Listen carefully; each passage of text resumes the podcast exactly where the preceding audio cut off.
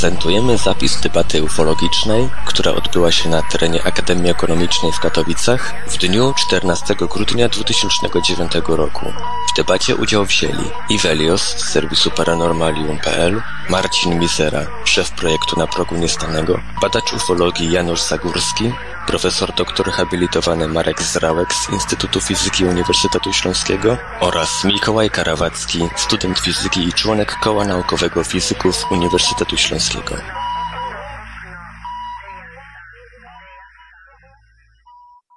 Witam jeszcze raz bardzo serdecznie wszystkich, e, zarówno Was e, po drugiej stronie, jak i prelegentów. E, tak jak już wspomniałem, jest to druga edycja takiej właśnie debaty związanej z UFO, zjawiskami paranormalnymi. Ja tylko krótko powiem, jak będzie wyglądała mniej więcej, jak będzie wyglądał przebieg taki plan ramowy tej, tej, tej, tej debaty, naszego spotkania. Mianowicie nasi prelegenci przygotowali swoje po prostu wystąpienia, będą chcieli zająć jakieś konkretne stanowisko, o czymś nam powiedzieć, coś wyjaśnić. Później po każdym z, wystąpieniu, z wystąpień, mniej więcej pięciominutowych, nastąpi czas na zadanie pytań. Pytania będą na początku, myślę, między uczestnikami. Wy również słuchajcie uważnie, koncentrujcie się na tym, co tu zostanie powiedziane, ponieważ również na końcu będzie okazja do porozmawiania, zadania pytania również z Waszej strony. No i cóż, później myślę jeszcze wywiąże się jakaś dyskusja, ponieważ jest to bardzo ciekawy temat, więc na pewno uczestnicy będą chcieli jeszcze porozmawiać.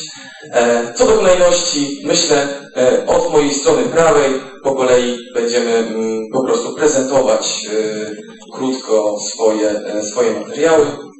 No cóż, otwórzmy swoje umysły i skoncentrujmy się, bo jest na pewno o czym rozmawiać. Mamy tutaj dwa stanowiska, także każdy z Was będzie mógł wyrobić swoją opinię na ten temat. Zapraszam może, Panie Marku, jeżeli mógłby Pan zacząć. Zapraszamy. Jeśli chodzi, jeśli chodzi o takie stanowisko, czy UFO istnieje, to niewątpliwie w dzisiejszych czasach dużo łatwiej sfabrykować dowody typu zdjęcia, filmy i tak dalej. Jednak moim zdaniem ilość relacji na całym świecie świadczy o tym, że to nie może być jakaś, jakaś tam zbiorowa halucynacja czy iluzja ogólnoświatowa. Świadczą o tym również liczne przy, przypadki dezinformacji ufologów. Jest to zjawisk najczęściej, których, które dotyka ufologów właśnie podczas prac badawczych. Jest to na przykład, do dezinformacji możemy zaliczyć na przykład cenzurowanie informacji, podawanie nieprawdziwych informacji, czytaj zmyślanie, powiedzmy wprost. Czy też był nawet przypadek, było kilka przypadków, gdy badaczom ginęły materiały. Prawdopodobnie była to kradzież. Materiały te najprawdopodobniej również trafiają w niepowołane ręce. Do dezinformacji badaczy najczęściej dochodzi w USA oczywiście, aczkolwiek mamy również e, takie przypadki w Polsce, jest ich trochę. Liczne przypadki dezinformacji możemy zaobserwować na przykład w takich sprawach jak Roswell, czy, czy ostatnio w ostatnich czasach często dochodzi do dezinformacji w sprawach e, piktogramów w zbożu, gdzie na przykład często w Wielkiej Brytanii sami badacze takie informacje cenzurują, podają to do wiadomości publicznej tylko, tylko wybrane fakty. I właśnie, właśnie powoduje to, jakby przyczynia się to do zmniejszonego zrozumienia zjawiska UFO wśród społeczeństwa. Niestety często, jak już wspomniałem, robią swoje sami badacze. Jeszcze jakieś kilkanaście czy kilkadziesiąt lat temu badacze tacy jak Lucjan Znicz, Sawicki czy, czy Arnold Mostowicz w maksymalnym stopniu przy, przykładali się do swojej pracy próbując wyjaśnić zjawisko UFO w oparciu o fakty naukowe. Niestety obecnie mamy do czynienia z wieloma badaczami, czy też osobami, które uważają się za badaczy, tak naprawdę nimi nie są, a nawet z organizacjami badawczymi, które w sposób celowy jakby manipulują faktami, żeby, żeby wywołać po prostu no, taką chwilową sensację. Mamy na przykład sprawę z Danów, gdzie pojawiło się bardzo dużo wątpliwości. Sprawa lansowana bardzo aktywnie na stronach Fundacji Nautilus. E, mimo wszystkich wątpliwości i błędów wytykanych przez badaczy zarówno z Polski, jak i z zagranicy, Fundacja Nautilus e, usilnie lansowała tą sprawę przez dobrych kilka miesięcy. E, było to gdzieś na przełomie roku 2005 i 2006. W tym samym czasie mniej więcej pokazało się też na ich stronach kilka artykułów, gdzie były pokazane zdjęcia jakichś odbić obiektów latających na karoseriach samochodów. Po prostu śmiech na sali. Z takim najwcześniejszym przypadkiem dezinformacji w ufologii mieliśmy prawdopodobnie do czynienia w roku 1959, kiedy to w styczniu do basenu portowego w Gdyni upadł niezidentyfikowany obiekt latający. Początkowo wiele przesłanek przemawiało za autentycznością całej sprawy. Były, byli świadkowie, były relacje w prasie, były jakieś tam zdjęcia się też pokazały. Oczywiście już dzisiaj wiemy, że są to zdjęcia fałszywe i przedstawią obiektów od Warszawy, nie są Gdańska. Sprawa wydawała się być wiarygodna, ale do czasu, dokładnie do roku 2002, do okolic tego roku, kiedy pan Robert Leśniakiewicz, e, uznany badacz ufologii, zajął się tą sprawą na poważnie. Pojawiła się wówczas hipoteza, że do basenu portowego numer 4 z Dyni wpadł nie niezidentyfikowany obiekt latający, zwany jako zwany UFO, tylko meteoroid. Świadek, pozwolicie, że odczytam tutaj fragment. Pracujący wówczas w porcie Docker najpierw zauważył na niebie czerwony punkt, po chwili jasny punkt błysk światła w kształcie stożka, mający jakieś półtora metra średnicy i 4 metry długości. Upadkowi obiektu do wody towarzyszył głośny huk. Nurkowi wysłani do, do przeszukania basenu portowego nie znaleźli nic, co sugeruje, że meteoryt dość mocno odbił się od dna.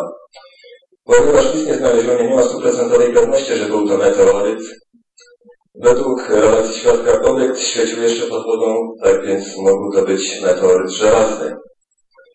Ponieważ jednak nie znaleziono meteorytu, wysnuto kolejną hipotezę. W 2005 roku ufolog ukraiński dr Anton Alfałow wysłał hipotezę, że obiektem, e, który wpadł w 1959 roku do basenu portowego w Gdyni, był tak naprawdę satelita amerykański SCORE, za, za prawdziwością tej teorii przemawiał fakt, że orbita, na jakiej tego satelitę umieszczono, pozwalała na istnienie tego satelity przez 2-3 tygodnie. Umieszczono go na orbicie w grudniu 1958 roku. Ponieważ e, satelita ten był ostatnim krzykiem techniki w tamtych czasach, zawierał informacje, które dla niejednego wywiadu stanowiły nie lada gratka. Dlatego też po incydencie, po upadku tego obiektu w Gdyni, E, rozpoczęła się gra wywiadów amerykańskiego i radzieckiego, żeby ten obiekt e, jakoś tam stamtąd wydobyć i przechwycić. A że sprawę trzeba było uciszyć, to wymyślono natychmiast e, jakąś tam teorię, że to UFO. Później doklejono do tego jakąś plotki o znalezieniu niezidentyfikowanych zwłok na plaży, jeszcze była historia ze, ze szpitalem, do którego te zwłoki przewieziono i szpital został zamknięty i tak dalej, i tak dalej. I przez 50 bitych lat e, jakby urastał ten mit. Robert Leśniakiewicz e, w trakcie swoich badań wysnuł również hipotezę, że ponieważ tuż po zdarzeniu rozpoczęła się ta gra wywiadów, właśnie puszczono w obieg e, legendę o UFO. Pod wieloma względami sprawa obiektu Gdyni przypomina sprawę Roswell. Tam również tajemniczemu upadkowi nie, nie, nieznanego obiektu towarzyszył rozgłos. Ktoś coś powiedział, ktoś coś widział. I tak legenda urosła i ona żyje sobie do dziś i jest e, jakby przez kolejnych niedoświadczonych badaczy e, wskrzeszana. W internecie z kolei do dziś krążą rzekome zdjęcia opadającego obiektu w Gdyni. W rzeczywistości było to, były, były to dwa zdjęcia były one podpisane jako, jako upadające UFO w Gdyni. Tymczasem są to zdjęcia z archiwum pana Kazimierza Psowskiego, również badacza, niestety już nie żyjącego. Niestety, ale to jest fotografia również e, UFO, ale z nad Warszawy. Innymi przypadkami dezinformacji są incydenty, w które zmieszane jest wojsko, również wojsko polskie. Polsce takimi najgłośniejszymi tego typu wydarzeniami były incydent na Darzycach w 1994 roku w październiku, kiedy to wojskowi zaobserwowali nad poligonem w tym mieście eskadrę niezidentyfikowanych świateł.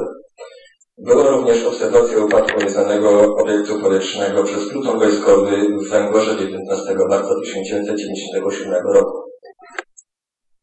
Istniały również oczywiście inne przypadki, takie jak obserwacje niezidentyfikowanych obiektów latających. Najwięcej też obserwacji do, dotarło do mnie z 1984 roku. Zwykle, gdy takie zdarzenie jest, zostanie nagłoszone, to wojsko nabiera wody w usta. Powstaje wokół niego szum informacyjny, wywołany głównie przez dziennikarzy i prasę, niejednokrotnie również przez e, takich pseudoufologów żądnych sensacji. Zwykle jakichkolwiek informacji takich wiarygodnych można się dowiedzieć jedynie od, e, od pojedynczych jakby e, wojskowych, którzy, którzy przeszli już dawno na emeryturę i nie, nie, nie obowiązuje ich obowiązek tajemnicy państwowej. Po jakimś czasie często okazuje się też, że obserwowany obiekt wcale nie musiał być pochodzenia pozaziemskiego, tylko właśnie to był jakiś pojazd wojskowy, czy też helikopter, jakaś inne, czy jakieś inne urządzenie testowane przez wojsko. Te i inne przypadki sprawiają, że skłębiając swoją wiedzę na temat zjawisk paranormalnych musimy być bardzo wyczuleni. Nie wolno nam pod żadnym pozorem brać wszystkiego, co nam powiedzą za pewnik, E, właśnie, ponieważ niektóre osoby, grupy badawcze, czy też publikacje o tematyce paranormalnej i ufologicznej wcale nie muszą być tym, na co wyglądają. Tak na przykład jest w przypadku amerykańskiej grupy badawczej ICANN, która w, e, pod koniec lat 50. została założona i w niedługim czasie prawdopodobnie zinfiltrował tą grupę rząd amerykański, w wyniku czego w latach 80. została ona rozwiązana. Podobne podejrzenia są wobec polskiej Fundacji Nautilus, która lansowała, jak powiedziałem wcześniej, sprawę z Danów. Później była, w międzyczasie była sprawa tych e, odbić obiektów latających na karoserii samochodów i kilka innych spraw. Weźmy na przykład taki przypadek naginania faktów w artykule tłumaczonym z języka obcego. W 2006 roku na łamach strony Fundacji Nautilus pokazał się artykuł o jakiejś obserwacji cilindrowatego obiektu nad Chicago w USA. I właśnie w artykule tym była informacja podana, że świadków było 150. Myślę, wreszcie coś mocnego. Jednak pod artykułem była podana nazwa źródła. Jak zajrzałem do tego źródła, okazało się, że świadków było 15.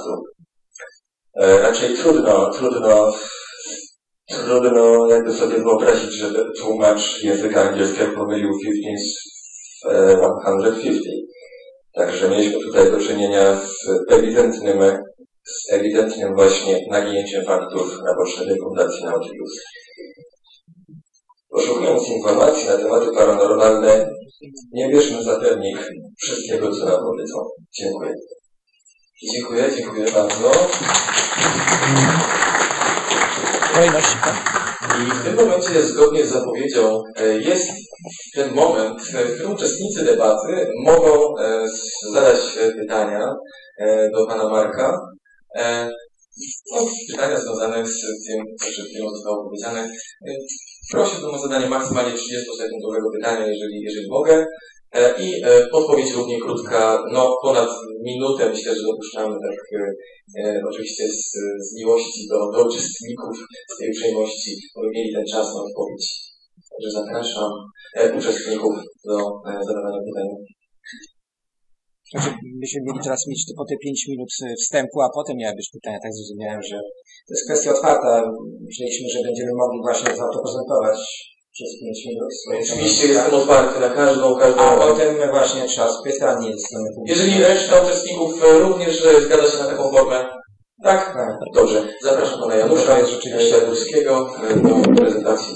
W pierwszej kolejności chciałem serdecznie podziękować organizatorom tutaj Akademii Ekonomicznej, a konkretnie studentów z Waszego koła, którzy to organizują po raz drugi.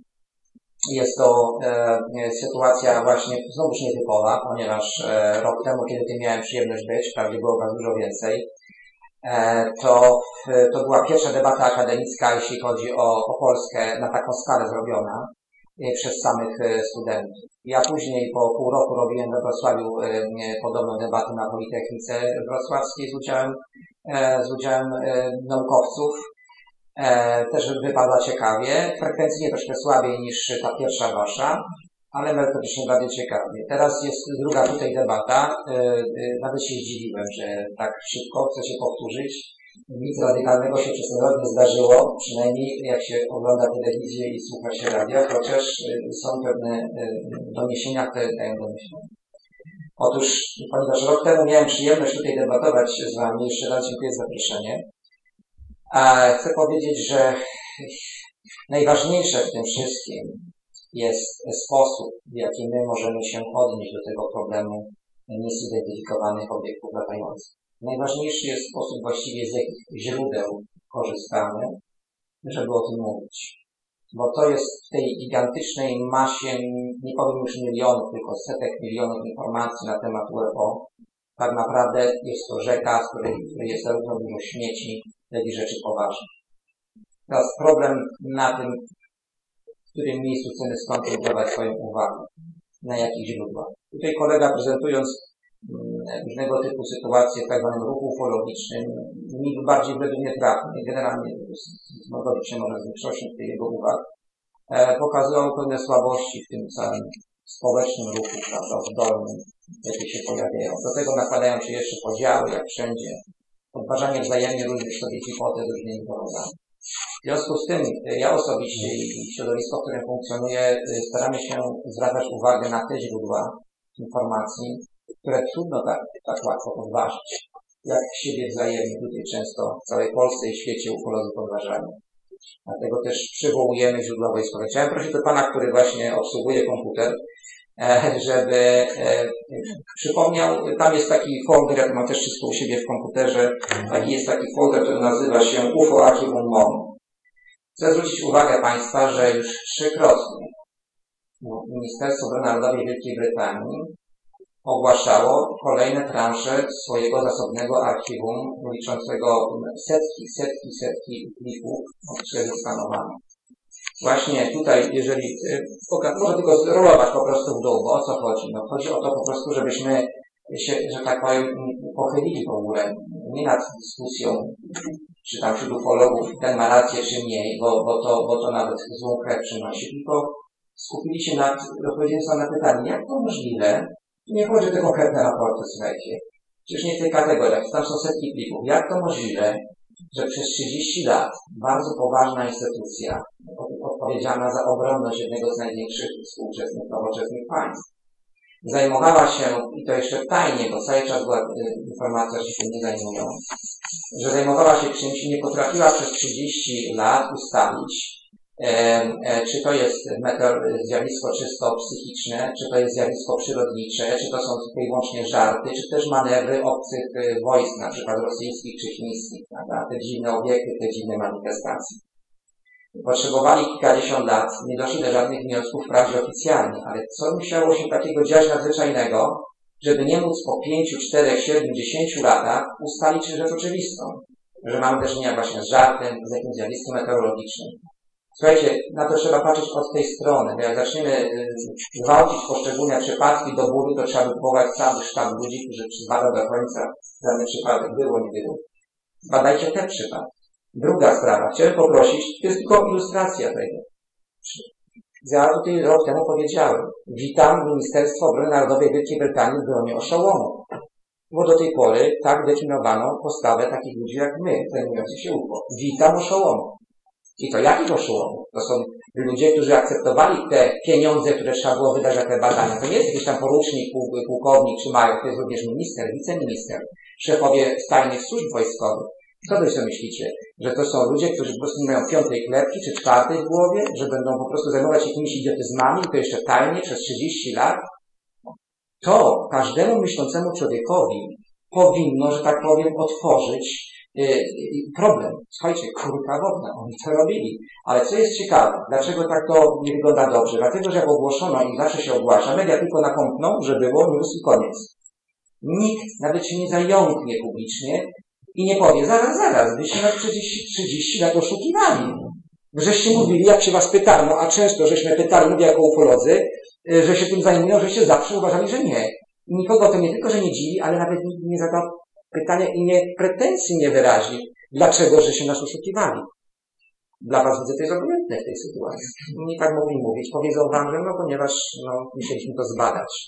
A informowaliśmy. A wiecie, jak odpowiedzialność ponoszą ci, którzy ukrywają tego typu właśnie fakty i badania, a przez te 30 lat, wiecie ile osób na świecie zostało porwanych przez te istoty z tych dziwnych obiektów, wiecie ile jest traum i tragicznych przeżyć.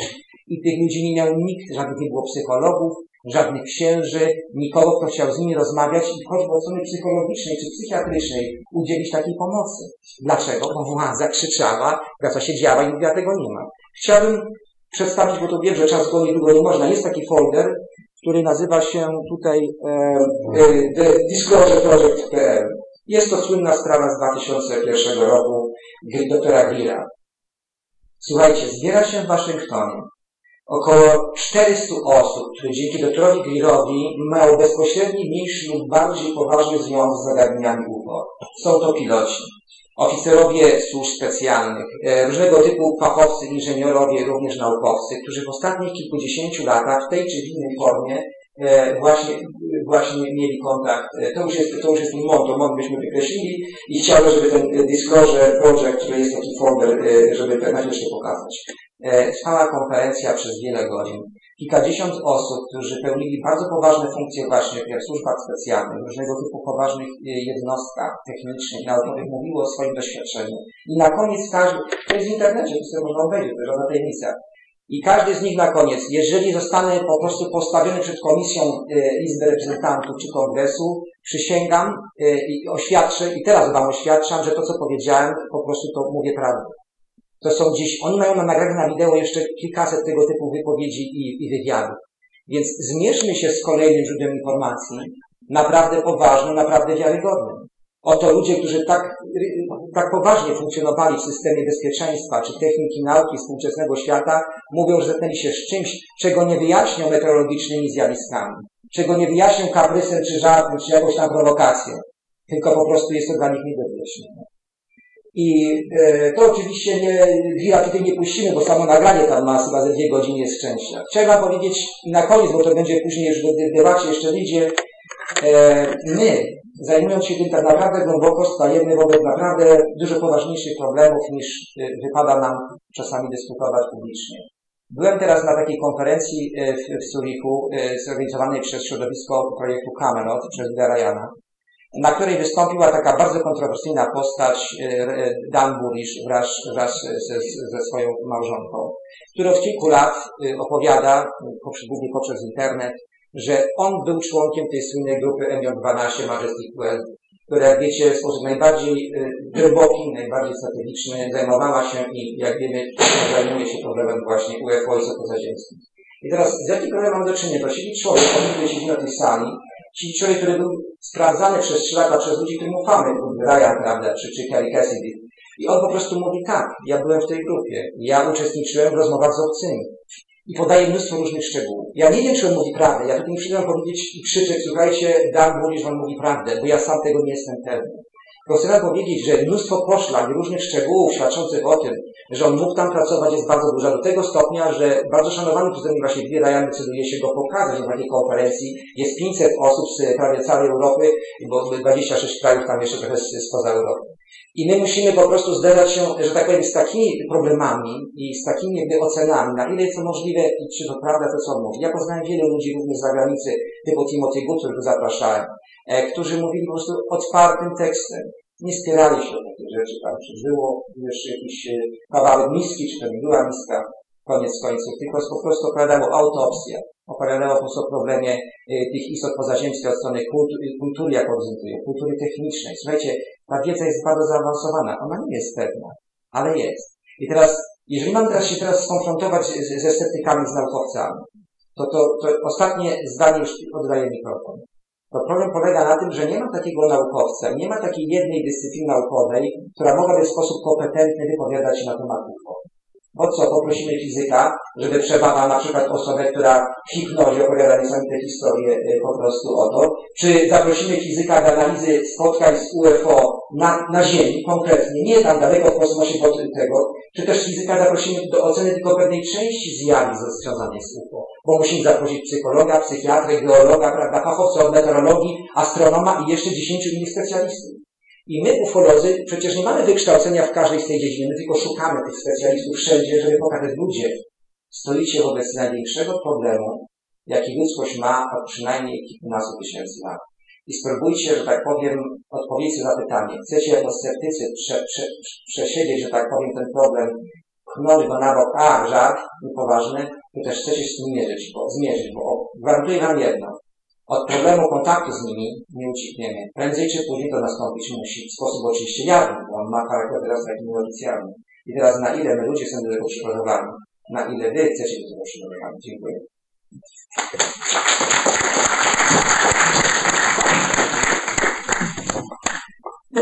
Dziękuję, bardzo. I zapraszam pana Marcina Mizerę.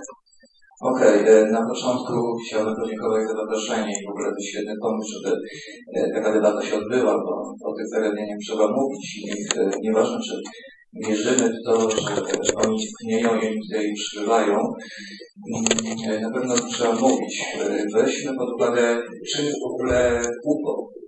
To są niezidentyfikowane obiekty latające, tak? Czyli My nie mówimy, nie jesteśmy pewni, że to są kosmici, którzy tutaj przybywają w tych pojazdach i nas odwiedzają. E, kłopot polega na tym, że na początku musimy sobie uświadomić, że jakieś niezidentyfikowane obiekty latające istnieją i pojawiają się.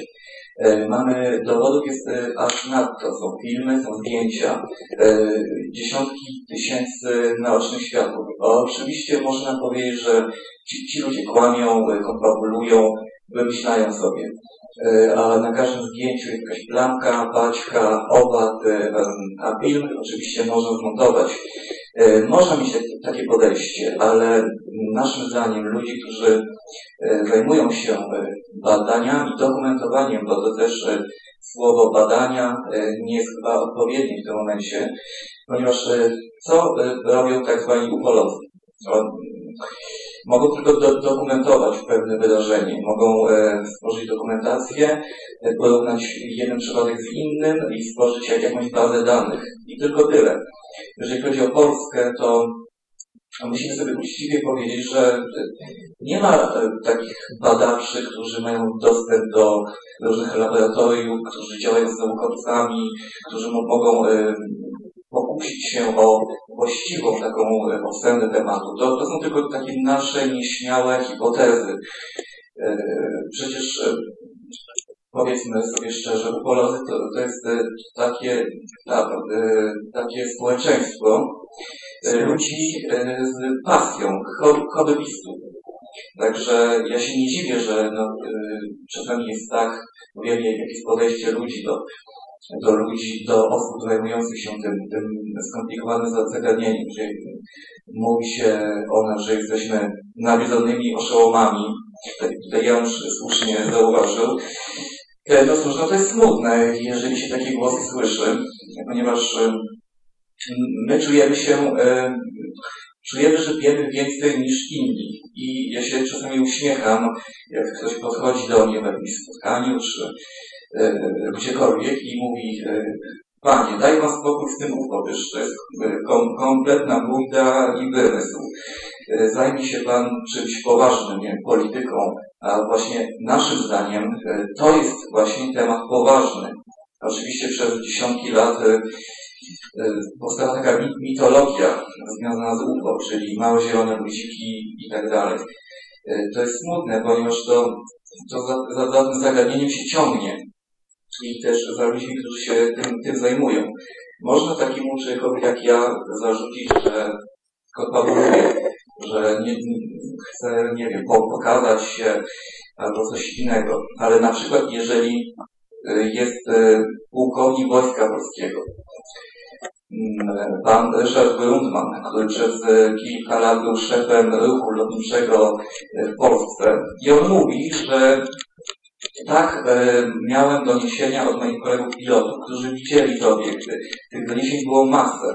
On zajmował się prowadzeniem takiej teczki e, i tam właśnie katalogował i gromadził te doniesienia. I oczywiście, i co tutaj mamy? Mamy jakiś dowód, e, mamy e, wypowiedzi ludzi poważnych, bo no, nie można posądzić takiego człowieka o jakieś wymyślanie sobie czegoś, żeby się pojawić w mediach. Mamy dowód na to, że coś się faktycznie dzieje, że, że są jakieś zdarzenia, że pojawiają się jakieś niezidentyfikowane obiekty. Ja tutaj przygotowałem dwa filmy, jeżeli tutaj mógłbym ewentualnie te filmy otworzyć.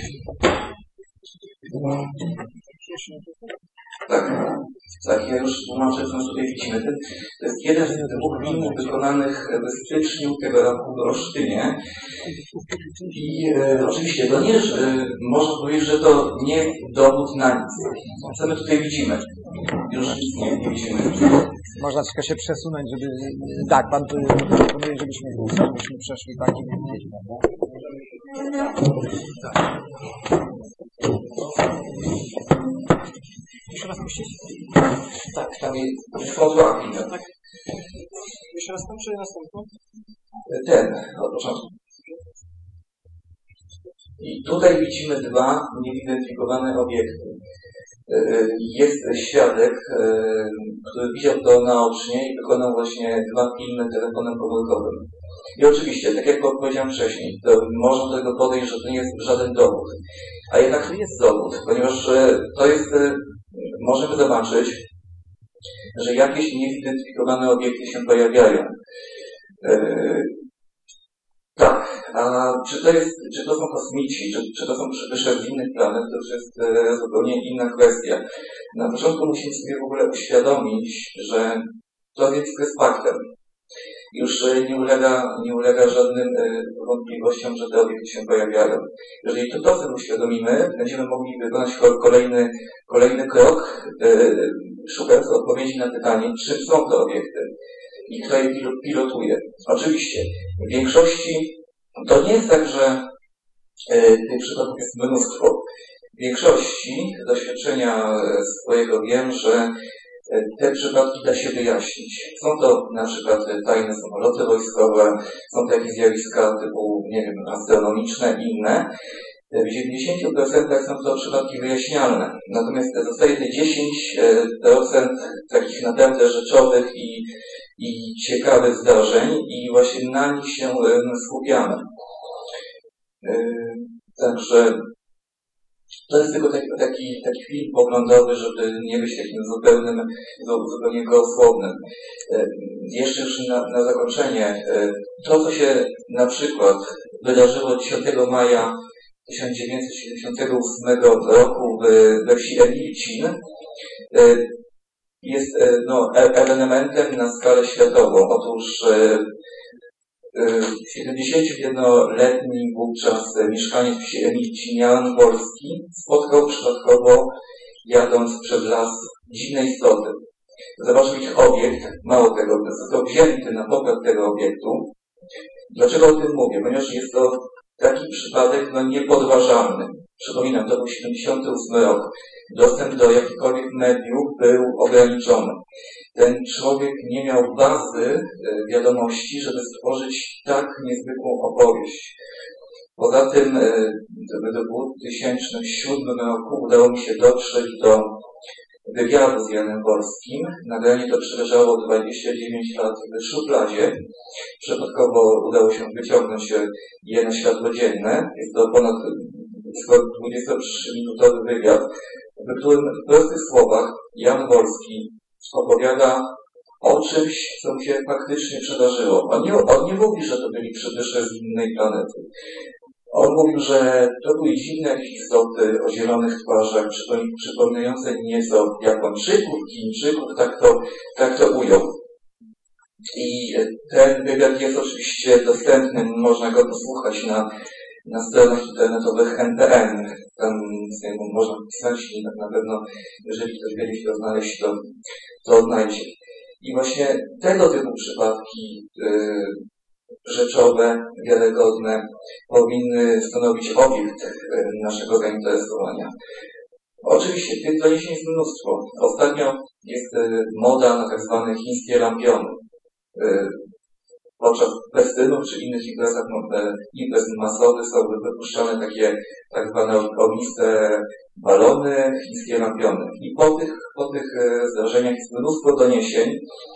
Ludzie dzwonią, piszą maile, że pojawiają się jakieś dziwne obiekty.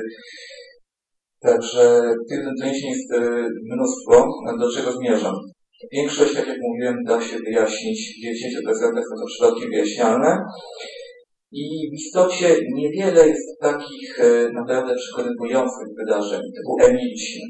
W ostatnim czasie w Polsce nie, nie zdarzają się tego typu spektakularne e, incydenty.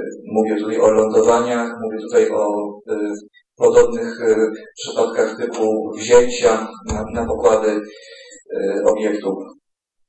Także tyle miałbym tutaj do, do powiedzenia niejako na, na początek.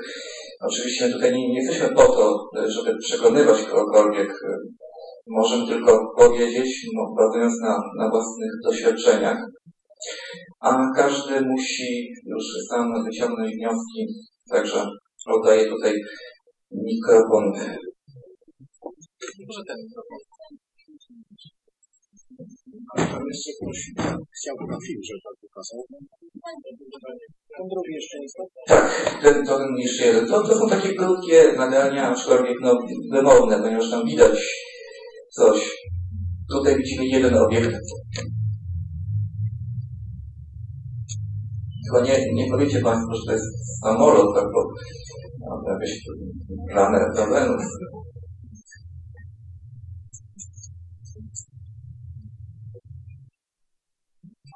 Tak, tak, tyle, tyle. Na początek myślę, że później będziemy mogli debatować. Mam jeszcze inne filmy, także oddaję życzę. Dziękujemy, Panie Marcinie. A ja jeszcze na marginesie chciałem dodać, że jeżeli, bo mamy będziemy mieć przerwę za jakiś czas, ja dysponuję też e, nagraniem. E, dokładnie YouTube e, jest bardzo bogaty w różne filmy i właśnie dokładnie dokument emitowany w TVP e, o Emilcinie. Czyli ewentualnie porozmawiamy, czy to nie przeszkadza, żeby, żeby jeszcze ewentualnie dla chętnych w przerwie e, jeszcze doładować e, tymi wszystkimi informacjami, e, ale to na marginesie. Jeszcze e, przepraszam, że tak się teraz tutaj próbuję coś jeszcze, ale mam na gorąco takie, takie pytanie, ponieważ bardzo tutaj mnie poruszyło jedno, co powiedziałeś, że e, Mówiłeś o, o tym, że, że kosmici, że ludzie mówią, że to zielone ludki i tak dalej. No to właściwie czy są jakieś klasyfikacje? Czy jak oni wyglądają właściwie?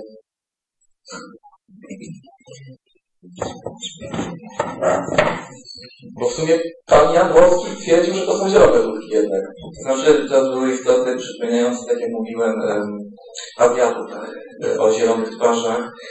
E, także no, jeżeli mam mówić o jakiejś klasyfikacji, to oczywiście mm, e, przyjmuje się, że jest kilkadziesiąt gatunków, że tak powiem, istot odwiedzających Ziemię, począwszy od takich zwykłych szaraków, czyli mm, każdy chyba ma świadomości wygląd takiej istoty, o dużej głowie z oczyma jak migdały. To, to jest taki klasyczny wygląd przewijający się w wielu opowieściach. Tak kontaktowców i ludzi, którzy e, mieli kontakty z takimi istotami. Natomiast jest też masa innych wyobrażeń, e, nawet takich kosmicznych, e, no, fantazyjnych. Ludzie wynoszą na przykład o spotkaniach z istotami wyglądającymi jak modliszka, albo no, gardopodobne istoty też przejawiają się w opisach. Oczywiście no, może, można do tego podchodzić jak do jakichś wymysłów. No, wiesz, e, nikt nie przedstawi takiego dowodu, że miałem ten kontakt. Praktycznie widziałem o tej istoty.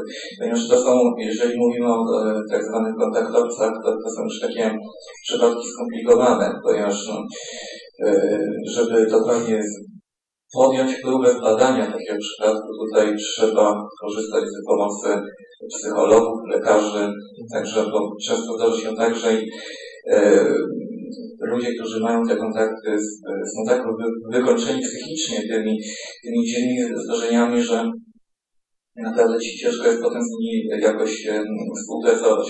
A tak jak mówiłem wcześniej, no my, my jesteśmy Czym jest tak zwana ukologia? To jest pseudo nauka, bo to nie jest nauka. I zajmują się tym ludzie, którzy są tak jakby, no, niejako przypadkowi, którzy mają pasję, którzy publikują, którzy gdzieś tam jeżdżą.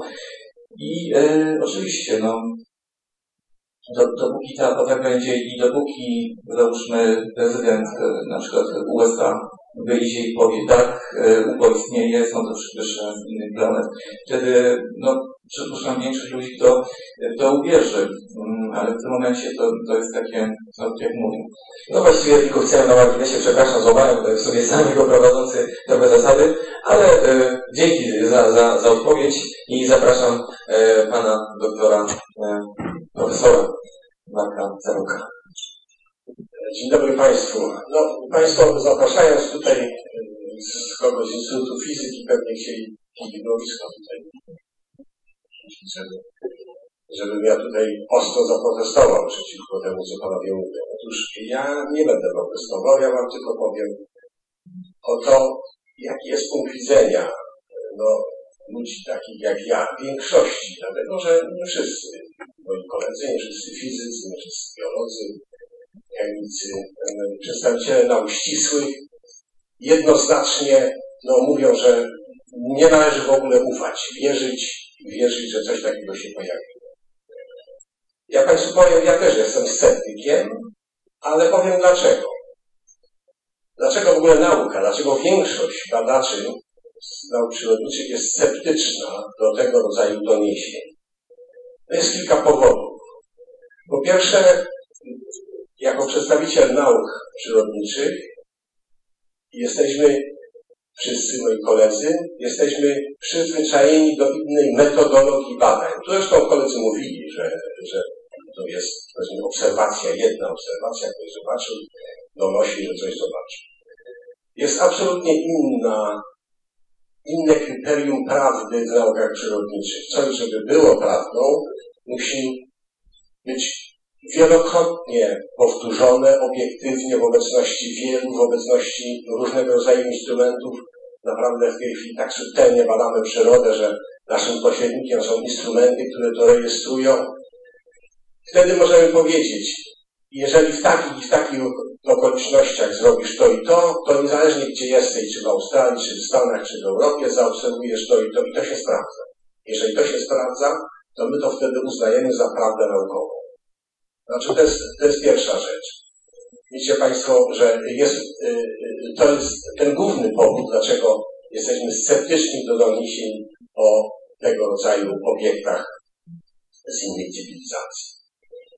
Druga informacja, która powoduje, że jesteśmy sceptyczni, to jest, to, to jest informacja o, o tym, co wiemy o, o nauce, wiemy o, o tym, o wszechświecie i wiemy w ogóle o, o możliwości takiej, takiego kontaktu.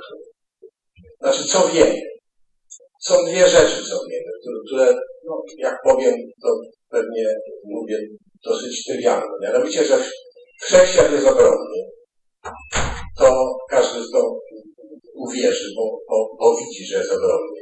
Ja mam, mam, jest to taka jedno zdjęcie, czy tam Pan coraz mi swoim łaska puścić na moje. E, proszę Państwa, to jest pierwsze. Więc żeby taki kontakt nastąpił z jakiegoś obiektu,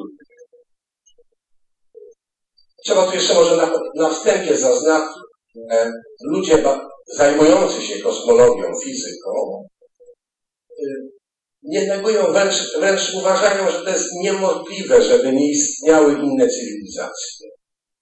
No, to, to, to jest przy takim ogromie obiektów, które są, ja myślę, że gdyby Pan łaskaw był przejechać kawałeczek dalej, dobrze, do końca, yy, przy takim ogromie obiektów, przecież nasza galaktyka, droga mleczna, liczy 100 miliardów takich gwiazd jak Słońce. Większość z nich ma takie planety jak nasza Ziemia przy Słońcu. Takich galaktyk jest następny setki miliardów, setki miliardów we wszechświecie. Otóż dlaczego mamy przypuszczać, że akurat na jednej Ziemi, konkretnie przy Słońcu powstało życie? Pewnie nie, pewnie nie.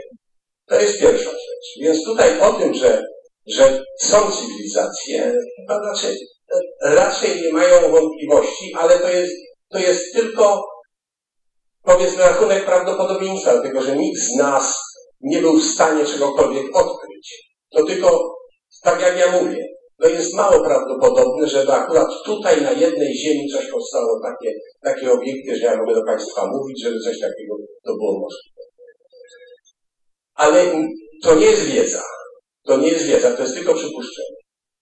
Ale, ale też jest wiedza o tym, jak ogromny jest wszechświat. O czym wiemy? No wiemy, że, że nie było sprzyjających warunków do życia w naszym Układzie Słonecznym oprócz Ziemi. Oprócz tej naszej Ziemi. Na innych planetach w Układzie Słonecznym, gdzie jeszcze kontakt, taki kontakt, o ja sobie wsiądę w jakiś, no wiecie Państwo, na, na Księżyc ludzie już zawędrowali, więc czemu nie, nie mieliby zawędrować na inną planetę? To jest oczywiście w ramach technicznych możliwości. Tutaj nikt nie przeczy, że takie techniczne możliwości są, chociaż dosyć kosztowne i, i, i ludzie się zbraniają do tego, żeby lecieć gdzieś na następną planetę, nie tylko na nasz, na nasz Księżyc, który krąży wokół Ziemi.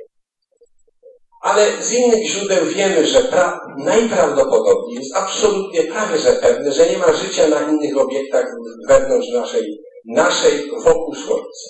Więc powstaje kwestia, no to może gdzieś w naszej galaktyce. No ale proszę Państwa, galaktyka nasza to odległość idzie w, parseki, w kiloparseki, nie parseki nawet, tylko w kiloparseki. No ja może będę używał, gdyby jeszcze można tą następną może być oddech. Proszę to tutaj następną. To jest kształt naszej galaktyki mniej więcej. Tu jest, tutaj jest Ziemia, tu jest Ziemia, znaczy tu jest Układ Słoneczny, gdzie jest Ziemia, odległa o 8 kiloparseków. Parsek to jest 3 lata, około 3 lat świetnych, kilo to jest 1000. Więc proszę Państwa, odległość tutaj no to jest 8 tysięcy razy 8 tysięcy razy 3, 24 tysiące lat świetnych. No tyle, tyle musiałby obiekt poruszając się z prędkością światła się poruszać. To jest pierwsza informacja. Która powoduje, że jesteśmy sceptyczni, że coś takiego, że ktoś tutaj mógł przybyć. Druga informacja to jest taka, że według naszej wiedzy, według tego, co zebraliśmy od lat, od mniej więcej 100 lat, i to, i to na razie jest niepodważalne, zaraz się do tego ustosunkuję, jest maksymalna prędkość wszystkiego, co ma masę, mianowicie to jest prędkość względem innego obiektu, który posiada masę, to jest układem odniesienia, maksymalna prędkość jest równa prędkości światła. Nie ma niczego, aby się poruszało więcej niż z prędkością światła. No więc te odległości to jest coś maksymalnego. Znaczy, gdybyśmy, gdybyśmy sobie pomyśleli, to żeby się dostać stąd dokąd, to musimy lecieć 24 tysiące lat z prędkością światła. A nasze pojazdy, nasze pojazdy mają znacznie, no, samolot na przykład, czy satelita, no to ma ileś, prędkość światła to jest 300 tysięcy kilometrów niecałe, 300 tysięcy kilometrów na sekundę. Obecne pojazdy to jest kilkanaście kilometrów na sekundę, to jest taka skala. No więc to, to powoduje, że jesteśmy sceptyczni. Zapytacie Państwo, czy ktoś nie mógł wymyślić w innej galaktyce gdzieś tam, że tam jest, on może wymyślił, że prędkość jest nieograniczona. Otóż, znowuż, naukowiec nie odpowie, na pewno nie wymyśli. Tak nie może powiedzieć, bo ja nie wiem tego. Może i wymyśli. Ale znowuż jestem sceptyczny, dlatego że, że wiem z badań, że to wszystko, co widzimy, te wszystkie inne galaktyki składają się dokładnie z tego samego układu okresowego Mendelejewa jak my. Czyli pierwiastki, które tam są, to są dokładnie te same pierwiastki. Jeżeli powstało życie oparte na węglu, tlenie, krzemie i tlenie u nas, to no, możecie powiedzieć, może tam powstało zupełnie inne życie. Może oni mają i w związku z tym mają kompletnie inną cywilizację, znacznie lepszą, znacznie już dłużej trwającą taką wysoką cywilizację i wymyślili coś innego. Może, ja tego nie wiem. Oczywiście może, może tak być. Ale znów jestem sceptyczny, dlatego że nasza wiedza nie skłania do tego, żeby sądzić i ufać temu, co, ja, co się potwierdza wielokrotnie. W związku z tym jestem sceptyczny. Pozostały punkt y, tego, tu, tu już kolega mówił, prawda, to jest to, że większość doniesień jednak to jest takich doniesień, które się, które się okazuje, że potrafimy zinterpretować w inny sposób. To jest 90%, jak tutaj kolega mówił, prawda? Więc pozostaje ileś tam. Czy, czy ja tutaj mówię panom, jesteście szarlatani, zajmujcie się tym? Nie, ja tego nie mówię. Ja tego nie mówię. Ja tylko mówię, że ja jestem sceptyczny i, i proponuję również kolegom tutaj, żeby podchodzili do tego z, większą, no, z większym dystansem, z większą metodologią nauk ścisłych do badania tego rodzaju obiektów. Ale mam oczywiście świadomość, że to jest takie proste, no bo, no bo, no bo ktoś, jeżeli ktoś rolnik gdzieś tam coś zauważył i donosi, no to jak to zweryfikować? No, prawie, że musimy mu uwierzyć. No, no, no to na tym to polega, prawda? No więc widzicie Państwo, znaczy to powoduje, że naukowiec jest sceptyczny, choć nie jest tak, że ja mówię, nie zajmujcie się tym kompletnie, bo to tracicie czas. Nie. Tylko, że miejcie świadomość, dlaczego są problemy z uznaniem tego jako, jako czegoś, co jest pełną nauką, taką, która jest obiektywną nauką, pełną prawdą, o ile możemy mówić o, o, o absolutnej prawdzie według, według nas. No więc to ja tyle. Tam mam jeszcze, więc tak. Jeżeli chodzi o, o, o jest taki program o tym, żeby wysyłać y, y, gdzieś w kosmos informacje o tym, o naszej cywilizacji. I również nasłuchiwać, czy ktoś nie przysłał jakichś informacji. No tak, światło porusza się z prędkością 300 tysięcy kilometrów, więc, więc powiedzmy ktoś tam wysłał 24 tysiące lat temu, albo z innej galaktyki, to jeszcze znacznie więcej, bo ja mówię tylko o jednej galaktyce o naszej drodze mlecznej. Następna galaktyka to jest 50 kiloparseków, a następna to jest, to jest jeszcze kilkaset kiloparseków. Galaktyka. Czyli taki zbiór gwiazd, jak, jak, jak u nas w drodze mlecznej. Więc to jest tak ogromne. Nasze możliwości techniczne, jak widać, są na tyle, że my nie mamy możliwości, jako nasza cywilizacja ziemska. Czy powstała inna? Nie wiem, może, ale jestem sceptyczny do tego. No i to jest moje przesłanie. Nic więcej Państwu nie powiem. Dziękuję bardzo.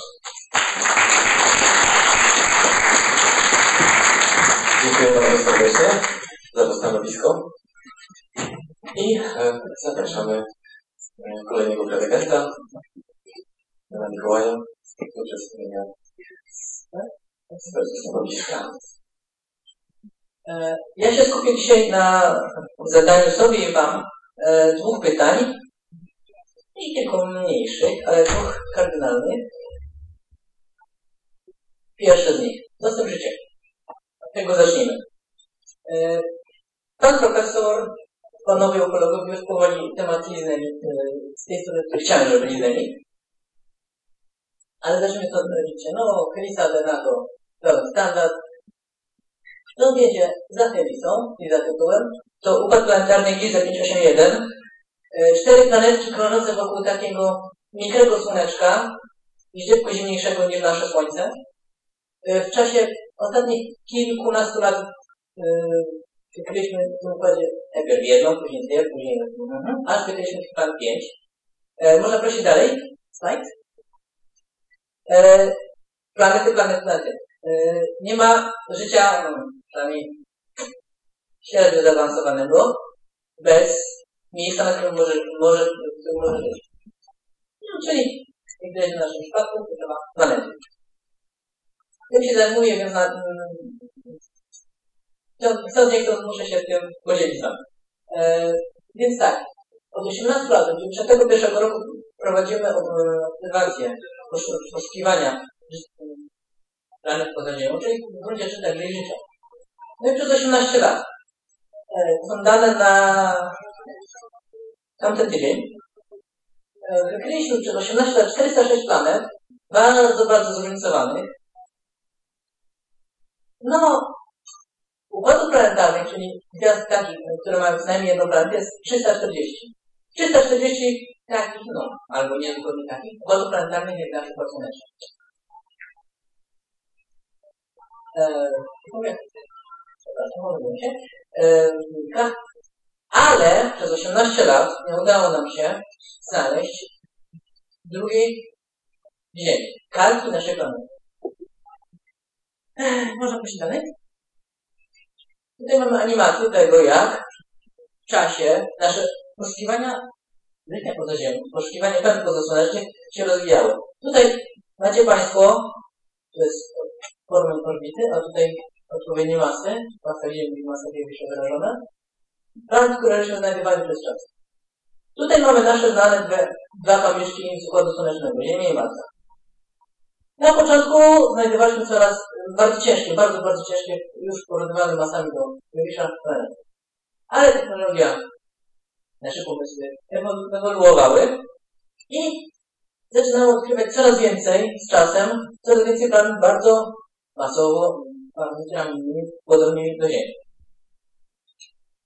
Można prosić dalej. To są dane, tak jak mówię, na tamtym tydzień, na 9, na 9 grudnia.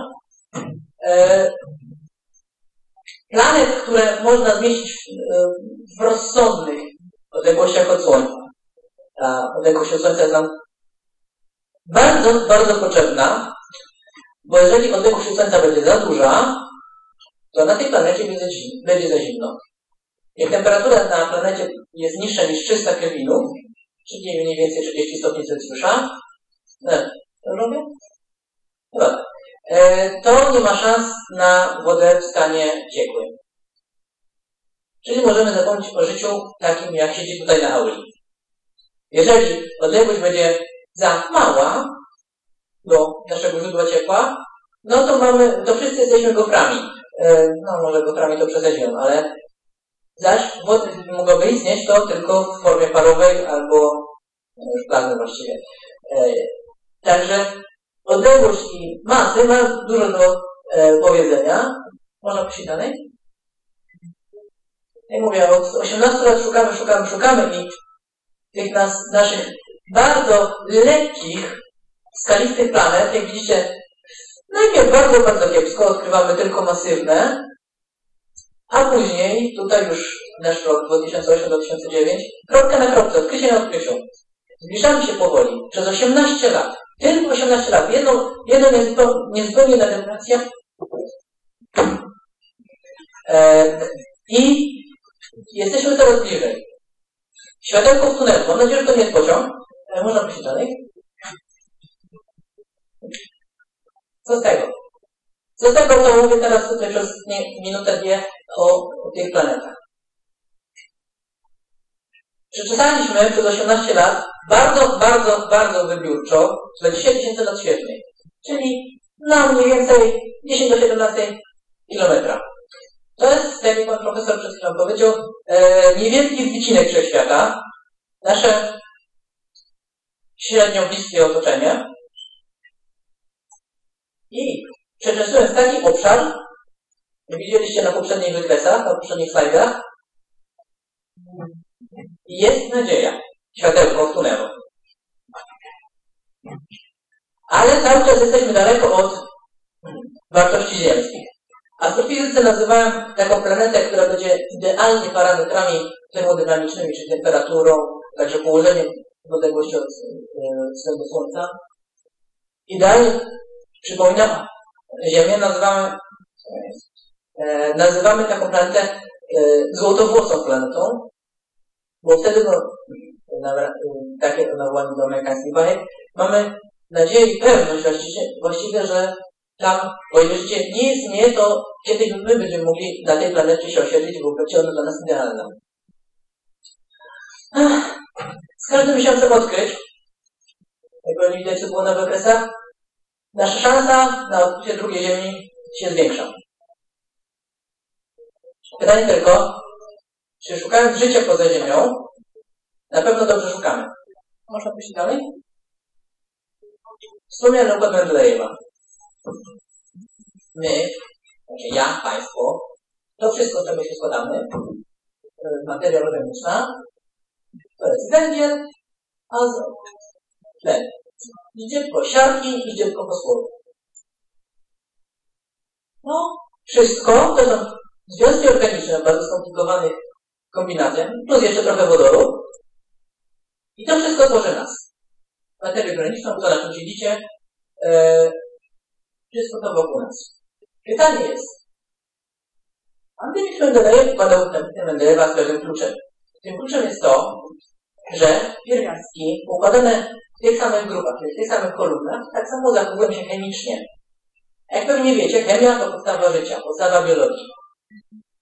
Wobec tego, jeżeli u nas, e, biorąc pierwszy rząd, rozwinęło się życie, na C, N i O, to czemu by nie rozwinęło się życie na liczbę cięższych, ale podobnie reagujących chemicznie, czyli teoretycznie zachowujących się podobnie biologicznie w jednostkach krzemu, no, fosfor jest Także pytanie, czy jak już to, pan czy szukamy życia takiego jak nasze? Czy robimy dobre założenie, że wszędzie muszą być tacy sami jak inni? E, można prosić następny slajd? Układ strony pana profesora, układ stron naukowców, ale także w swoim, no i także państwa kolegów. E, Arthur. Clarke, znany autor e, fantastyki naukowej, w latach, jak nie myli, 70. było tak zwane trzy prawa Clarka, tutaj macie Państwo w oryginale i po polsku przetłumaczone. E, zostawimy do refleksji. Punkt trzeci, punkt drugi i punkt pierwszy w tej kolejności, albo 1, 2, 3. Jakby, to, jakby je nie czytać, jakby nie rozważać, każdy z nich wbija szpilkę pod poznakiem. Drugie pytanie. To co tą nauką? Cały czas opieramy się na tym, że naukowiec to z szacunkiem dla wszystkich indusów święta krowa. Znaczy założenie o tym, że nauka e, jest omnipotentna, wie wszystko na pewno i to, co mówi, zawsze jest prawdą. Nie wiem, czy Państwo poznajecie ilustrację tutaj na tym slajdzie zawarte. Źródło e, skandalu w ostatnich dwóch tygodniach, tak zwana krzywa hokejowa, e, krzywa kija hokejowego, o której za chwileczkę. Tutaj fluorek uranu, znany Państwa fluorek sodu, pas beze mnie. No i nasze twory GMO, sztuczna somatotropina, modyfikowana genetycznie i soja modyfikowana genetycznie, to wszystko ze sobą razem. Można prosić dalej?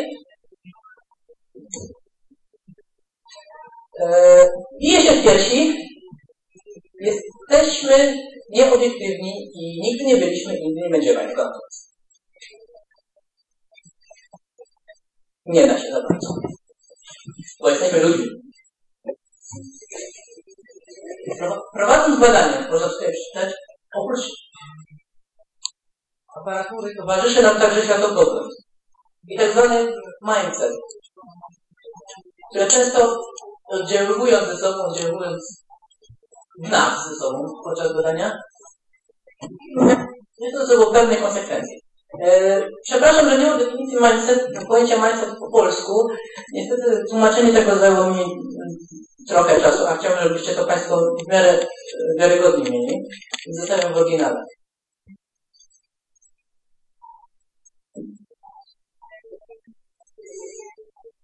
Chciałem, e, co chciałem podkreślić w tej definicji, to drugą linijkę i początek trzeciej. No to Można przejść dalej? No to w takim razie, gdy teraz mamy cały czas w każdym naukowcu, w każdym człowieku, który dokonuje jakichkolwiek badań, naukowych, paranaukowych, pseudonaukowych, takie zderzenie, no to to się może różnie skończyć. Jeżeli nasz światopogląd i mindset tak zwany w pewnym momencie połączą się z kwestiami uzyskania czy straty zysku, pozycji, do, dóbr, dochodów, no to, proszę Państwa, wytwarzamy najbardziej niebezpieczną substancję wybuchową na tej planecie, bo konsekwencje takiego połączenia są bardzo, bardzo niebezpieczne.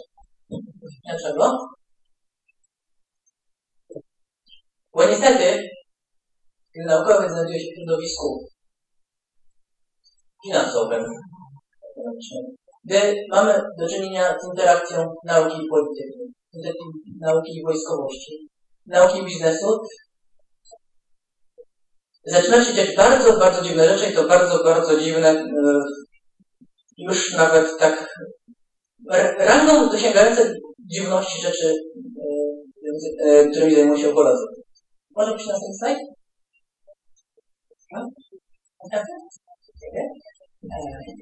Trzy przykłady takiego niebezpiecznego połączenia.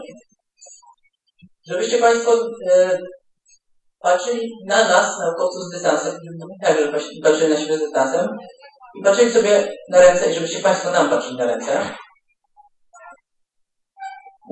Pierwszy przykład. E, to, że mamy fluor w pastach do zębów, to, że mamy fluor e, w niektórych krajach mm, Europy, w Ameryce itd., tak itd., tak w wodzie pitnej. Proszę Państwa, jeden naukowiec, dwóch naukowców zatrudniło się, albo został zatrudniony przez przemysł, jak pisze, aluminiowy.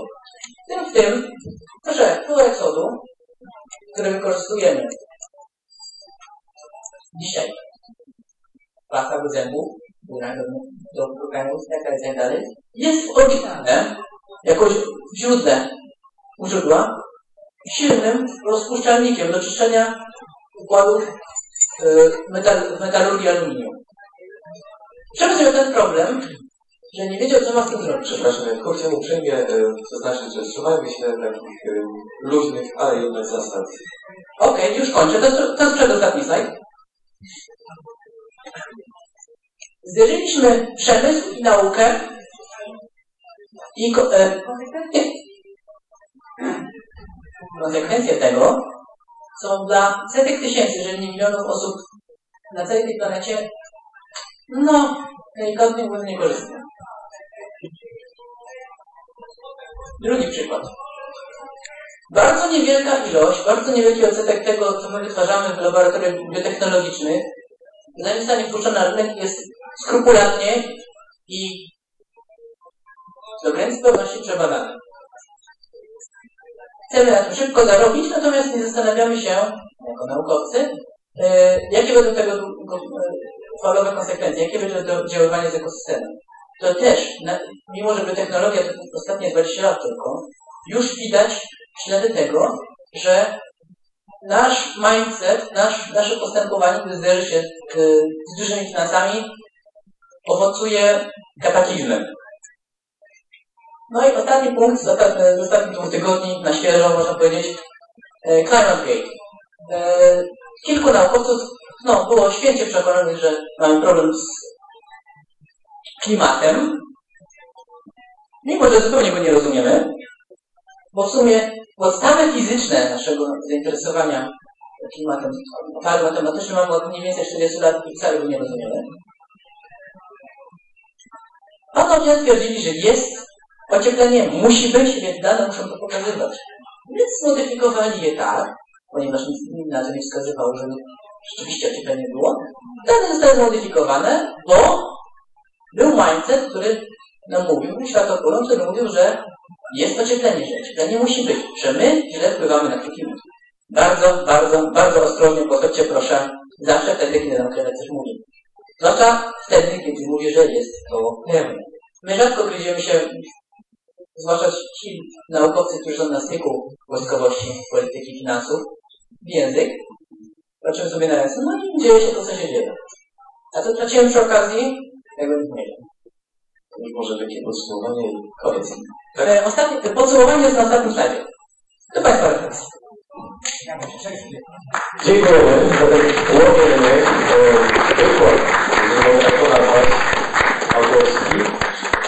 E, mamy teraz e, krótką przerwę. do 10 podziękuję wszystkim za pierwszą część debaty. Zapraszam bardzo gorąco na drugą część, która może być naprawdę ekscytująca po tych wszystkich wystąpieniach. Nasunęły się na pewno nam jakieś refleksje. Także zapraszam 10 po tutaj na salę. Przypominam jeszcze, że nie byłoby tego spotkania bez naszego sponsora, miesięcznika Czwarty Wymiar. I a propos czwartego wymiaru, dostępne są egzemplarze zupełnie za darmo dla chętnych tego właśnie pisma. O, tutaj właśnie. Także zapraszam na przerwę. Myślę, że za chwilę możemy rozpocząć. Czekamy tylko na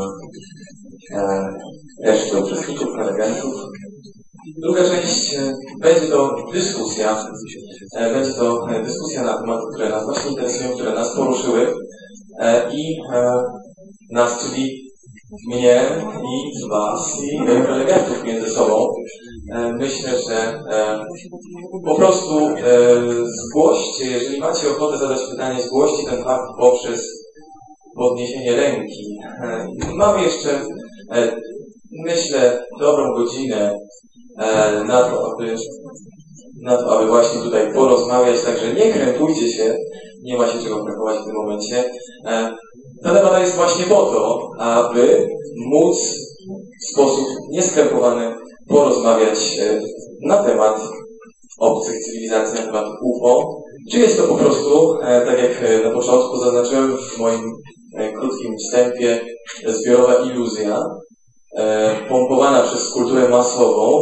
No któż nie czytał, któż nie oglądał Star Treka i innych filmów, teraz powstaje bardzo dużo filmów, książek i tak dalej, i tak bardzo poczytne tutaj tytuły i tak.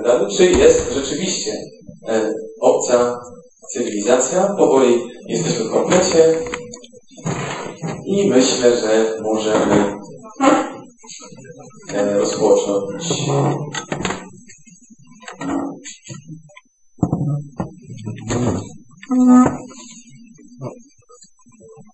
Tak więc witam jeszcze raz wszystkich bardzo serdecznie w drugiej części debaty.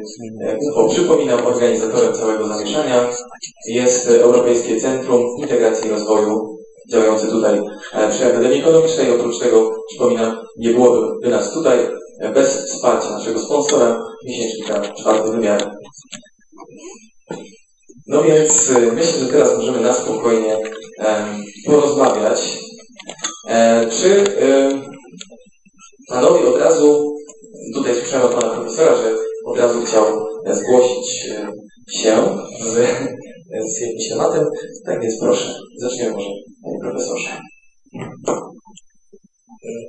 Proszę Państwa, no tutaj Pan Mikołaj mnie zmobilizował do tego, że żebym zabrał głos, dlatego że przedstawił taki obraz nauki, który wydaje się, że wszyscy naukowcy są, nazwijmy to, skorumpowani, że tylko prawda, liczymy na coś. Otóż no, to tak można by powiedzieć, że no, Einstein był skorumpowany, bo, bo wymyślił ogólną teorię względności, powiedział, że za 70 lat powstanie GPS, który będzie wykorzystał ogólną teorię względności, prawda?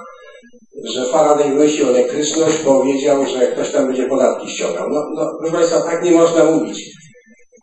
Gro badań podstawowych jest absolutnie nie na niczyim, tak powiem, pasku w cudzysłowie. Po prostu ludzie robią to, co widzą z doświadczenia, koniec, kropka. W tej chwili słyszeliście pewnie o tym, powstaje takie potężne urządzenie w CERNie, LHC, o którym się mówiło. Czy to urządzenie to było na zamówienie kogokolwiek? Nie, ono ma cele pewne, absolutnie ściśle naukowe. Teraz, czy pan Mikołaj w ogóle nie ma racji w stu procentach? Nie, też ma rację, dlatego że są naukowcy w laboratoriach różnych przemysłowych, różnych prywatnych, typu, nie wiem, Bella albo, albo Apple Macintosha, prawda? Otóż w tych laboratoriach prowadzi się badania na zapotrzebowanie, na zapotrzebowanie czyjeś. Otóż te badania są po pierwsze niepublikowane, bo to są tajne, dlatego że się patentuje i potem się z tego dnia dużą kasę, znowu mówiąc, prawda? I to oczywiście są badania, które większość naukowców, tak jak mnie, takie badania nie interesują.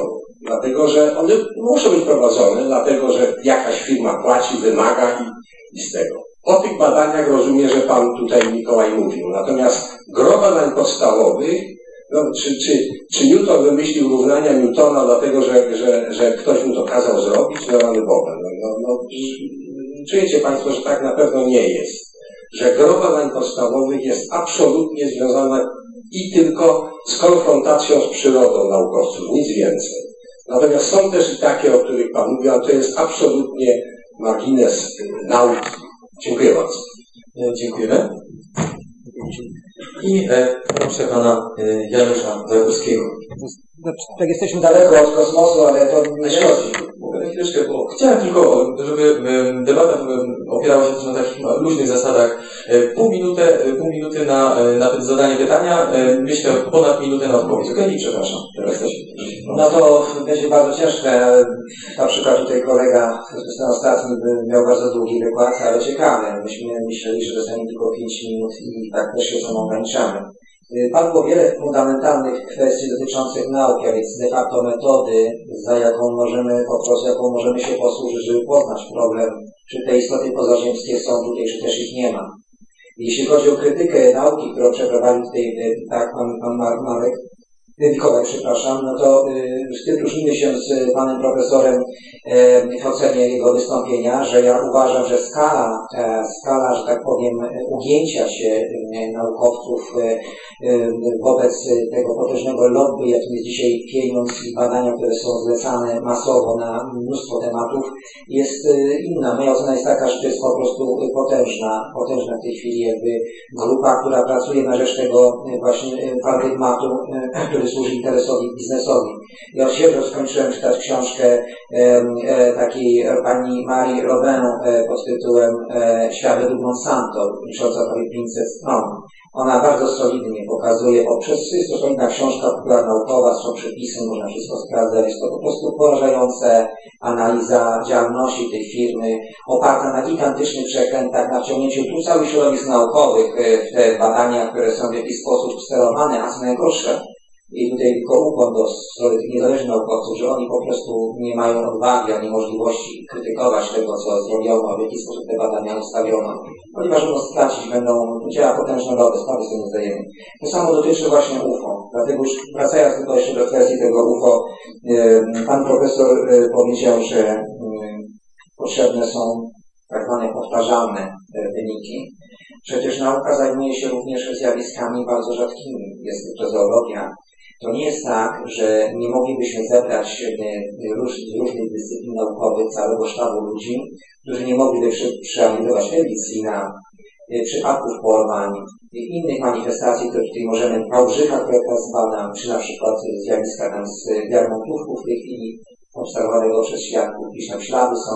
Można, tylko trzeba chcieć. Problem z nauką polską polega na tym, światową, że macie Państwo zdania na ten temat, e, macie jakieś hipotezy, że oczywiście to nie ma prawa istnieć, ale solidnie, przynajmniej w Polsce, nie przebadaliście żadnego zjawiska, czy też doniesienia o zjawisku, które my wywołujemy. Nie chodzi o to, żebyście jakiegoś, zapali się jakiegoś hochsztaplera, który udaje, że widział UFO i chce zrobić tam sobie zagrać, tylko chcemy Wam po prostu powiedzieć, no damy Wam 10 najbardziej według naszej najlepszej wiedzy wiarygodnych przypadków spotkań się ze zjawiskiem właśnie UFO w kontekście ewentualnie pozasiedzkiego pochodzenia, bo nas nie interesuje, że to była jakaś grania, która tam gdzieś ktoś się ponawił, nas to nie interesuje.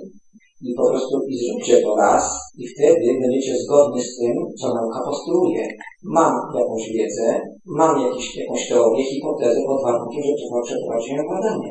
Przecież żeście w Polsce nigdy nie przeprowadzili żadnych porządnych, systematycznych badań jako profesjonalni naukowcy nad żadnym znaczącym przypadkiem nauki. A więc o czym rozmawiamy? Sprzymierzacie się elementarnej zasadzie nauki. Badania, a potem wnioski. My przynajmniej prowadzimy. Może nie są doskonałe, może nie mamy w tych 20 dyscyplinach nauki właściwych kwalifikacji, bo wiadomo, że ich nie mamy, e, ale przynajmniej tam, gdzie e, jesteśmy w stanie e, zrobić dobry wywiad, zrobić studium, wynająć naukowców, jak na to wynajmowaliśmy, robimy to. Tam, gdzie są odważni naukowcy, godzą się na nasze propozycje, tak było w Latowie, przyjeżdżają, używają swojego aparatu badawczego, również urządzeń, robią to i potwierdzają ze zdumieniem wiele przedziwnych rzeczy, które się dzieją. Rzecz polega na tym, że trzeba to robić. A tego nie robicie. Dlatego namawiam Was do tej czynności, bo ona jest podstawową, jaką tak naprawdę y, macie do zrobienia. Co więcej, to są badania podstawowe, za to Wam podatnicy generalnie płacą nie te duże. My nie jesteśmy duży lobby, żeby Wam porządku zapłacić.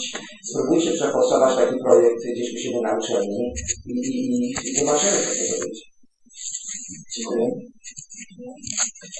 Jakaś odpowiedź? Przepraszam, to Ale- Ale nie, znaczy ja nie wiem, czy będziemy polemizować tutaj. z- Nie możemy. To też o to chodzi właściwie. Może jakieś pytania z, z publiczności? Cały czas się zgłaszam. Nie chciałbym, żeby to była tylko polemika między nami tutaj. Co Państwo bliżej? zadają. Ja oczywiście od, się usuwam tego słowa. Tak, No właśnie, Chyba, że będzie słychać spokojnie, dobra. E, Ja mam kilka pytań Tam jest do słychać. e, pana Zawieckiego. E, No przede wszystkim, e, czy pan dokładnie przejrzał te archiwum, e, opublikowane archiwum e, brytyjskich przypadków?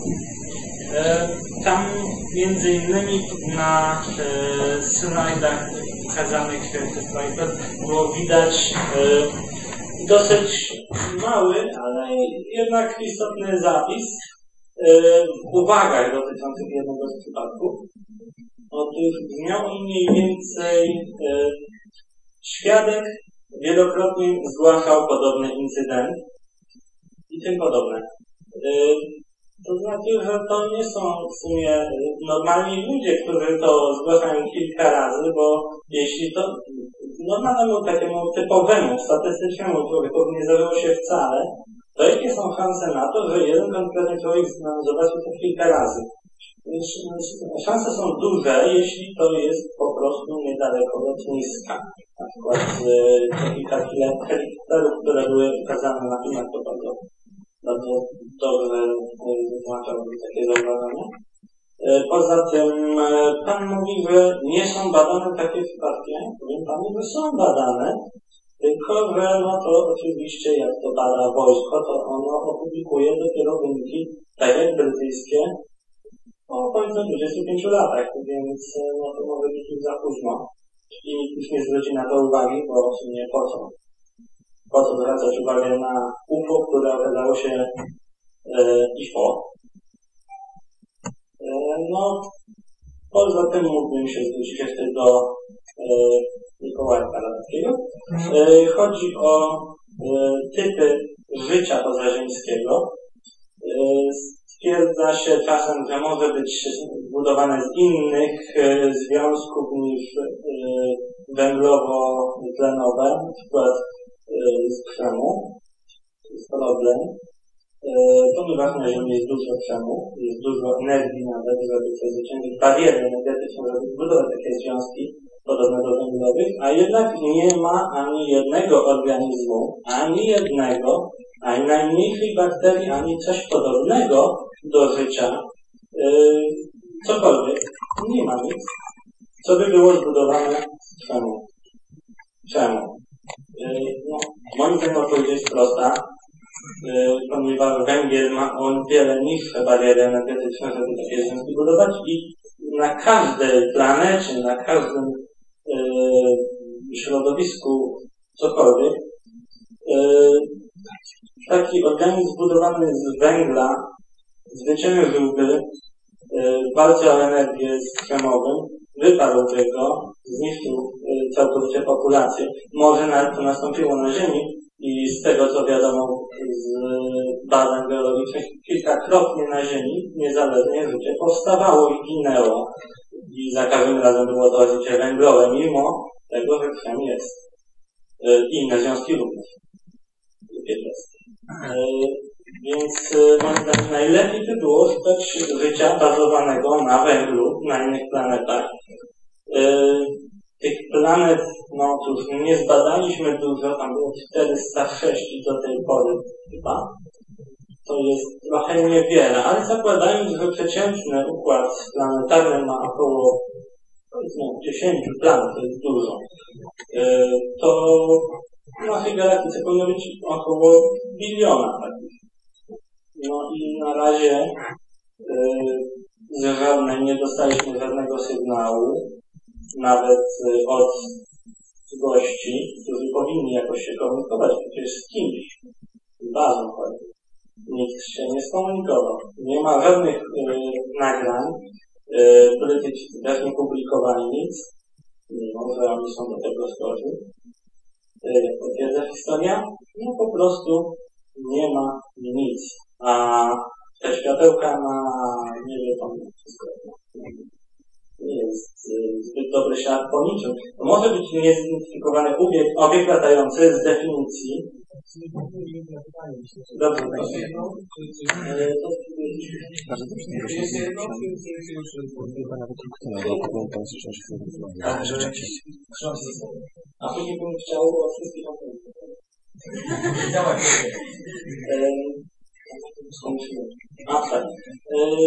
To jest oczywiście obiekt niezidentyfikowany. Z definicji niezidentyfikowany obiekt jest taki, który nie wiemy co to jest do końca. Tylko jeśli lotnisko udostępnia, bo większość lotnisk udostępnia coś, wszystkie nawet rejestry lotów, przynajmniej tych publicznych, nie wojskowych, lotniskowych się zdziwić, jakby coś opublikowali więcej niż to, co widać gołym okiem. No to można zauważyć korelację bezpośrednią. Leci światełko, leci helikopter z bazy lotniskowej. No, no wszystko się zgadza. A niektórzy ludzie myślą, że to jest coś więcej. I ja mam pytanie do tego, dlaczego się traktuje podejrzanie, kiedy łatwo to sprawdzić, i każdy zainteresowany to sprawdzi, a jednak takie przypadki są omawiane na takich debatach jak ta. No i jeszcze, jeszcze co do ten ostatni wątek co do nauki. Tak. E, mówię, poważnie. Myślę, że każdy jest no, jakby chciał zadać pytanie, które po, jak mówię, całej debacie myślę, że możesz jeszcze zadać Pan uprzejmie pytanie. A tymczasem pierwsze pytanie, pamiętasz do kogo kierowałeś? Do, tak. No, można, można szybko tak. E, gdyby nie kolega Pan dokładnie słuchał. E, pokazywałem te archiwa brytyjskie. Nie znam człowieka, który je wszystkie, e, każdy z tych plików, które przestudiował.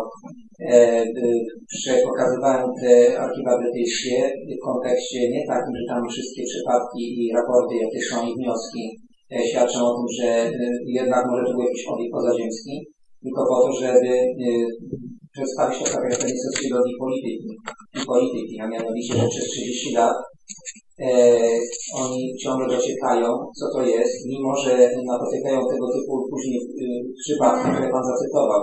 Może gość kilka razy widział, może już jest tak nawiedzony, że rzeczywiście tam jest jedna wielka, e, totalna sieczka. Jest e, wiele rzeczy poważnych i niepoważnych. Oni to udostępnili mechanicznie tak dokładnie, jak mają e, w tych archiwach. Może pewne rzeczy według mnie mogli to najważniejsze schować.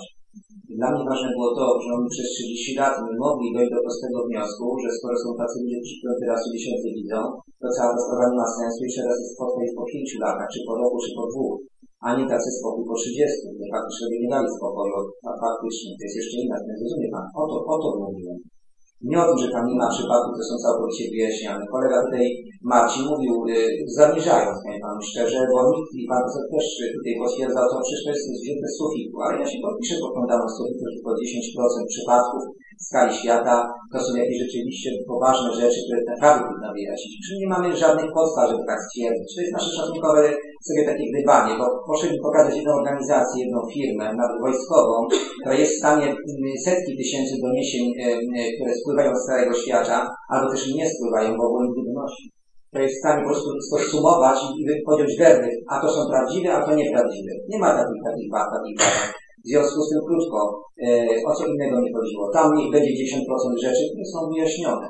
Ale te 10%, które było na początku Marcin wspominał, to nas interesuje, a nie takie dziwne ludki, które widziały ponad 20. Wiadomo, to są różnie, różnie wyrażenia. Drugie pytanie dotyczyło um, kwestii związanej z badaniami już tylko, tylko króciuteńko. No. Myślę, że jeśli chodzi o o badania, to ja wyraźnie y, apelowałem i odnosiłem się do środowiska akademickiego, polskiego. Przecież za granicą badania prowadzono.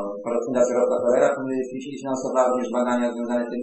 Myśmy w Polsce też w jakimś sensie prowadzili badania naukowe, bo doktor, e, doktor e, e, Jan Szymański oraz doktor Puchalski, których zaprosiliśmy do Gratowa, prowadzili ściśle naukowe badania. Więc w tym sensie są, tylko nie są związani z uczelnią formalnie, robiliśmy zaproszenie prywatnych ufologów. Zlecenie było od nas, to nie płaciliśmy im za nic, wszystko na własny koszt musieli zrobić. Natomiast tak się upomniałem, nie, że pan poseł się broni słusznie, to wskazałem na naukę instytucjonalną, akademicką, że ona takich badań w Polsce, jeszcze raz podkreślę, nigdy nie przeprowadziła. A wojsko, wie pan, wojsko to jest instytucja, o której tutaj nie wspominałem w tym kontekście. Możemy osobno pozwolić, na ten temat mam dużo wiedzy. E, to już myślę, że było e, to satysfakcjonująca odpowiedź w miarę. No. E, Koniecznie, ale to... Tak, rozumiem. No na tym polega debata, że są dwie strony próbują się w jakiś tam sposób porozumieć. Czy mamy jakieś kolejne pytanie z sali? Może od kogoś innego, może tutaj panowie prelegenci, coś, coś mają do sugerowania? Tak. Dużo rzeczy, tylko nie chcę was przegadywać. Proszę. Tylko możemy się dopiero skręcić. Ja mam pytanie do pana Mikołaja Karawackiego odnośnie wykładu, który bardzo interesującego, który dzisiaj pan e, Mikołaj wygłosił. Czy zna pan może koncepcję doktora Toma Golda, to jest e, profesor honorowy na Uniwersytecie w Cornell w USA i według niego mogą istnieć jakieś już e, formy życia oparte na krzenie bardzo głęboko gdzieś pod powierzchnią Ziemi, tylko jeszcze nie są one odkryte przez naukę. Tutaj zacytuję artykuł z, z serwisu Paranormalium. Krzem ma wiele cech chemicznych podobnych do węgla, podpowiada więc uczonym i pisarzom science fiction wymarzone przez niego nowe formy życia.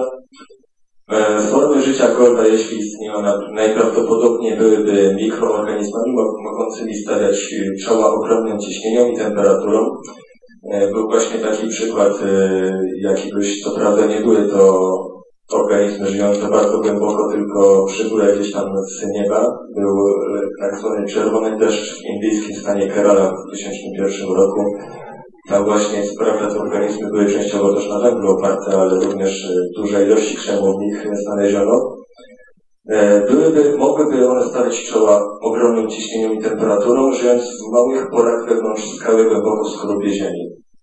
E, koncepcja Golda, która koncentruje się na alternatywnym wytłumaczeniu dla ropy i pokładów została już e, co prawda e, opublikowana jakieś 11 lat temu, ale dopiero w ostatnim czasie właśnie w związku z dziwnymi deszczami pozyskała rozgłos. I co pan, co pan myśli o tym? Co pan sądzi o tej koncepcji, panie Mikołaju? Dzwoni, dzwoni, ale nie wiem, czy to ten kościół. nie chcę powiedzieć ani tak, ani nie. Natomiast jeżeli chodzi o E, sam zarys pomysłu, czy w takich dziwnych miejscach na, na gruncie e, życie może być inne niż bazowane na węglu, e, tego nie wiemy. Dlaczego? Te organizmy mają tak ładną, ładną nazwę ekstremofile, czyli organizmy żyjące w ekstremalnych warunkach. My naszą technologią, naszą metodologią jesteśmy w stanie w sumie bardzo niewiele zakątków ekstremalnych na tej planecie, już nie do innych, zajrzeć. Więc e, na dzień dzisiejszy ja jeszcze muszę wstrzymać, bo owszem, odkrywamy już organizmy, które żyją w kalderach wulkanów e, na dnie oceanu, w warunkach takich, które no, inne organizmy, rozumy, to w ogóle żadne organizmy nie powinny żyć. One sobie tam żyją w warunkach tysięcy stopni Celsjusza, ciśnienia gigantycznego i w ogóle warunków nieszczęsnych dla innego życia. Czy mogą istnieć organizmy na y, krzemie? No. Punktu widzenia chemii, kolega słusznie zauważył, pod względem energetycznym to węgiel ma rzeczywiście większe szanse. Jest to bardziej prawdopodobne ze względu tego, jest to po prostu, tańsze. Tylko pytanie, czy się realizuje, czy się nie realizuje, jest cały czas pytanie otwarte. Jest taka fizyko-chemiczna możliwość. Krzem, węgiel ma praktycznie identyczne właściwości chemiczne. Więc czemu by nie? Natomiast czy nam się uda odkryć, to jest pytanie otwarte. I gdzie? E, musi, Musimy mieć tą, termin musimy mieć otwarty. Dziękuję. Wszelkie wypadki. Przepraszam, jeszcze odnośnie tego, odnośnie tej sprawy organizmów. Właśnie trafiłem w artykule na fragment opisujący takie właśnie odkrycie dziwnych organizmów żyjących na, na, dnie, na dnie morskim. W ostatnich latach znaleziono też A źródło? źródło, źródło tych artykułów e, paranormalium.pl. Mhm. Ale A to nie jest źródło. Paranormalium to jest, yy, że tak powiem, hub zbierający wszystkie informacje. Natomiast y, gdzie jest źródło, źródło źródła? Tak, źródło, dokładnie. Źródło źródła. Jak pan Powoływać się sami na siebie.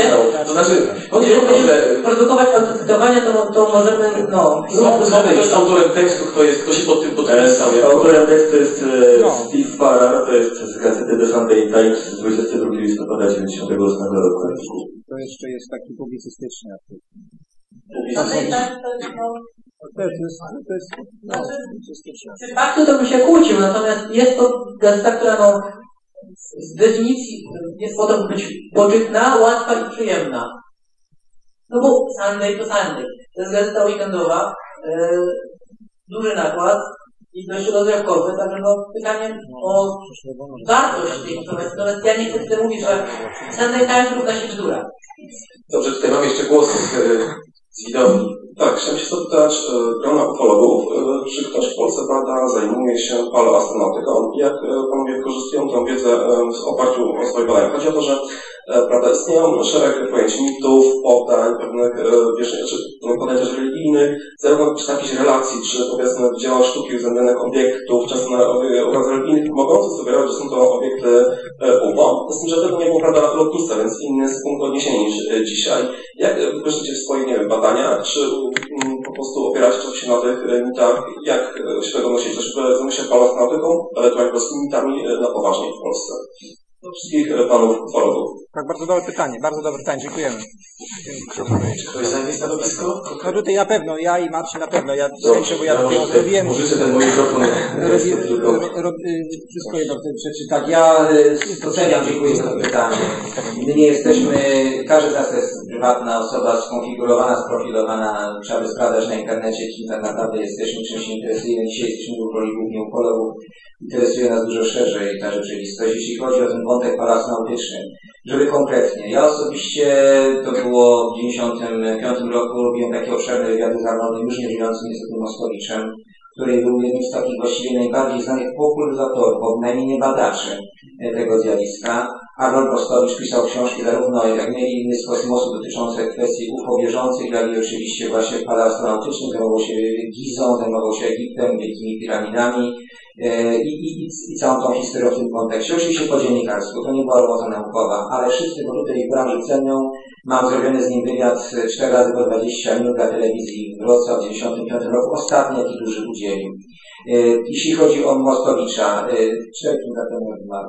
Jeśli chodzi o innego już badacza, bo Mostowicz nie, nie badał, y, natomiast badania konkretne terenowe prowadzi Igor Witkowski. Osoba w Polsce znana, też nasz kolega, z zajmowania się e, technologią wojskową, techniką. Autor takich książek jak e, Super Tajne Broni Hitlera, znakomicie znający y, te wszystkie tajniki, ale też, o czym się mniej wie, piszący książki poświęcone właśnie pozostałościom po zaginionej cywilizacjach. To on był właśnie w Walce Południowej, e, był w Peru, e, był, był w wielu miejscach, która była w tych miejscach jak pod kątem bardzo badawczym, która robiła zdjęcia, pomiary, ponieważ znając się na technice wojskowej, zna pewne rzeczy dotyczące pewnych zagadnień technicznych. Prowadził kiedyś jako redaktor naczelny taki miesięcznik technika wojskowa, prywatność, to już było w roku 90. Więc jego na przykład, ale, ale zachowuje się jako dziennikarz, też e, autor książek o naukowych. Również wydał teraz szokującą książkę, tutaj mm, uczucia może niektórych osób mogą być przez tą książkę w jakiś sposób dotknięte, mówię o uczuciach religijnych, bo książka nosi tytuł e, Chrystus a UFO, a więc dotyka jeszcze bardziej dobitnie kwestii m, pewnych interpretacji, zjawisk pogranicza religii i tego, co działo się w historii religii, a, a zjawiskami UFO. Ja powiem Wam szczerze, tak już na szybciuteńko, bo naprawdę tu wszyscy mamy dużą wiedzę, tylko nie możemy się wyspowiadać, bo nie ma takich warunków. Ja na przykład interesując się e, badania, e, zjawiskami e, paranormalnymi równolegle na styku z UFO, zapraszałem do Polski w 1999 roku, potem jechałem do Włoch, żeby bardzo blisko, po dziennikarsku, bo nie byłem w stanie naukowo tego zrobić, zbliżyć się do słynnego stygmatyka, George'a Bążowaniego. A więc przez kilka dni gościłem go tutaj w Polsce, przyglądałem się zawsze lekarzy, którzy też oglądali jego stygmaty. Dlaczego, dlaczego nie? Ponieważ on też bardzo intensywnie zajmował się UFO, kosmosem. On stworzył niezwykle piorunującą, że tak powiem, konstrukcję połączenia zjawisk, powiedzmy, religijno-duchowych, również w postaci Jezusa. Przepraszam, już to boli, że ja tak mówię ostatnim tekstem, ze zjawiskami współczesnymi UFO. Ja też osobiście dużo studiowałem zagadnień dotyczących na przykład Fatimy w kontekście, w kontekście z podobieństwa, nie tylko ja, ale mówię za siebie, podobieństwa tych zjawisk, które opisywali wtedy ludzie językiem zupełnie no, zwykłym, pojęcia UFO nie było w 1917 roku. Zjawiska, które tam występują, taką książkę 1920 roku, y, wydaną przez Kościół tam y, nasz katolicki, gdzie są opisane doświadczenia przez kilka miesięcy tych obserwacji, tych dziwnych doświadczeń. Do, słuchajcie, to jest po prostu wypisz wymały, wiedza, y, dla ufologów bezcenna. My widzimy w tych sformułowaniach zjawiska, które towarzyszą manifestacjom UFO. Na przykład częste przy tych 13 danego miesiąca, jak pamiętacie, zaczęło się e, to, e, to był maj, 13 maja, e, tak oni nazywali brzęcz, słyszeliśmy wtedy, kiedy były te objawienia, słyszeliśmy wtedy coś, jakby pszczoły brzęczały w zamkniętym dzbanie. To są takie drobiazgi. Dzisiejszym językiem, jak słyszymy i analizujemy do doniesienia o UFO, to słyszymy buczały jak transformator. Przykładowo, to nie zawsze oczywiście. Więc tych analogii jest mnóstwo. Jak ktoś analizował, bo Pan tak zapytał, historia współczesność też, Medjugorje na przykład, analizował to, co się dzieje w Medjugorje. To jest, dla nauki to jest temat, którego nie ma, bo to jest religia, nie wolno się religią zajmować, bo się podzielili. Jeżeli my jesteśmy od nauki, było od religii, bądź się Boże, żeby ktoś to łączył. A my teraz to łączymy. Proszę? Wyrokowanie kulturowe tak naprawdę. Oczywiście, oczywiście tak powinno być, natomiast co do przeszłości. Chcę powiedzieć, że mieliśmy taki kontakt osobisty, mało co by przyjechał do Polski z Zecharia Sitchin. Człowiek, który zrobił bardzo dużo dla zrozumienia historii świata. Bo jeżeli zadacie pytanie, kto, jeśli tu nauka, nauka jest bardzo dobra, żeby ją zapytać o to, czy jest jakieś źródło pisane w historii ludzkości starsze niż tabliczki sumeryjskie, tabliczki, zapis, sumeryjskiej cywilizacji na tabliczkach, one przetrwały dzięki temu, że były w tych dniach. Nie ma takiego starszego, tak pełnego zapisu jakiejś historii, jakiejś racji, jakiejś kultury. I to oczywiście, że inni naukowcy nie wyciągają tak daleko idących wniosków jak Zecharia Sitchin z tego, co Sumerowie napisali, to jest inna sprawa, ale Zecharia Sitchin mając tak dużą wiedzę jako tłumacz, jako, jako, jako znawca historii Bliskiego Wschodu, języków semickich, wy, wyciągnął z tego niesamowitą interpretację pokazującą, że tak naprawdę powstanie ludzi wiąże się z ingerencją e, genetyczną, wiąże się z e, obecnością jakichś istot pozaziemskich, które nazywało czas bogami. Jest mnóstwo, nie sposób, bo tutaj za dużo czasu mówię, jest mnóstwo jeszcze innych źródeł, które poruszają ten temat i, i jedna taka uwaga, że słuchajcie, my jesteśmy tak najbardziej, wiecie, z czym najbardziej sfrustrowani?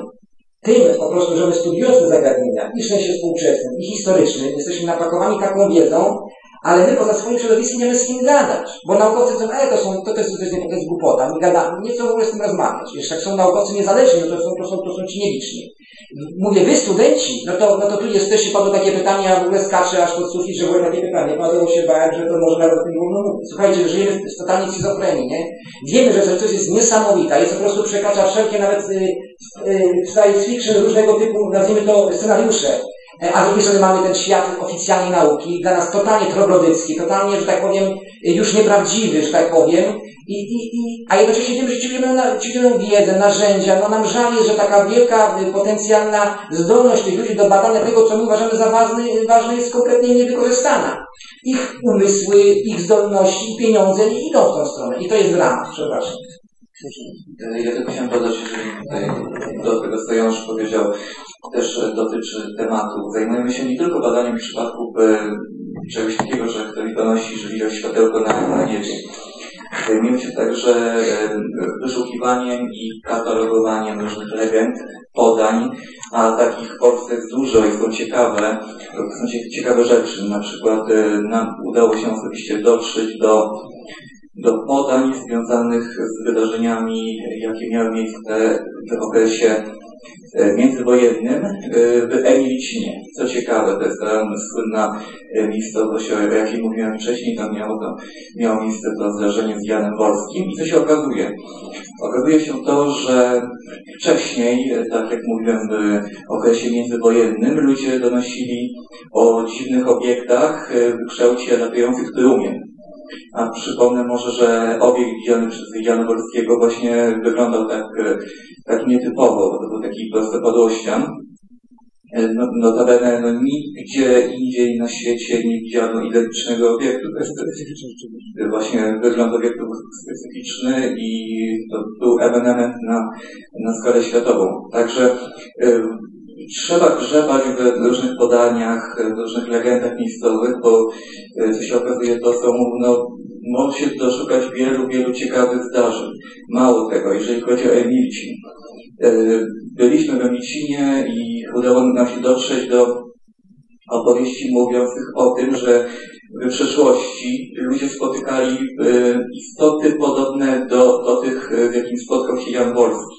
Istoty, oczywiście to są tylko podania, to są jakieś legendy, ale no wiadomo, coś w tym musi być. I jeżeli to są fakty, to świadczyłoby o tym, że ta Emilicin, okolice, coś tam jest takiego niezwykłego, że te zjawiska tam właśnie się manifestują. I to nie był jeden przypadek, tak jak mówię, z Janem Wolskim, tylko o wiele więcej e, te, tego typu rzeczy. I co, co ciekawe, bo e, mało osób o tym wie, że w każdej miejscowości, jeżeli się gdzieś pogrzebie, w jakichś kronikach, e, trzeba włożyć nieco wysiłku, żeby, żeby to uczynić, ale można znaleźć ciekawe, ciekawe przekazy, ciekawe podania. Odnośnie jeszcze Fatimy. Odnośnie Fatimy, tutaj Janusz wspomniał, no cóż, no wiele wskazuje na to, że ten cud słońca, słynny, to, był, to była manifestacja obiektu UFO. Także e, to, to wszystko łączy się ze sobą religijność objawienia religijnej blisko UFO. To może być no, szok dla, e, dla wielu tutaj obecnych, ale tak to po prostu wygląda. Tak to wygląda. Także tyle od siebie. Dziękuję. Teraz e, proszę pana profesora jeszcze o zadanie głosu. Sygnalizował może tym. E, proszę Państwa, z tej wypowiedzi Pana tak wygląda, że nauka się nie chce zajmować ma możliwości, widzi tam coś interesującego i się całym świecie nie chce tym zajmować. A jaka, jak, to, jak sytuacja wygląda? Wydaje się, że z tym, co ja powiedziałem, jest w tej chwili już odpowiedź na to pytanie. To znaczy, przedstawiciel tej nauki instytucjonalnej, jak to pan nazwał, uważa, że to jest tak mało prawdopodobne, że, że badania nie są warte, dlatego że nie proszą wyników. Naukowiec chce jednego otrzymać wynik te wyniki były, które, które są robione, no po co mają co robić? Informacja o tym, jakie, jakie w tej chwili mamy o wszechświecie jako całości, są niebywałe, no niebywałe. Mają co robić, badając to w sposób taki, jak to w nauce jest przyjęte z tą naukową metodologią. To jest, to jest y, odpowiedź na to pytanie. E, jeżeli, jeżeli Pan proponuje, żeby się naukowcy tym zajęli, będzie bardzo trudno, muszę przyznać. Dlatego, że, że panuje jednak opinia, że to jest tak małe, że człowiek stracił prestiż, gdyby się zaczął zajmować czymś tak mało wiarygodnym. No, no taka jest opinia, niestety. E, także ja tutaj szczerze mówię Panu, no, opinia o tym, że to jest coś, zresztą, znaczy ja się tutaj z tego, co wypowiedziałem, e, prawda, znaczy, po pierwsze tak, znaczy te przypadki farmiujecie 10% przypadków.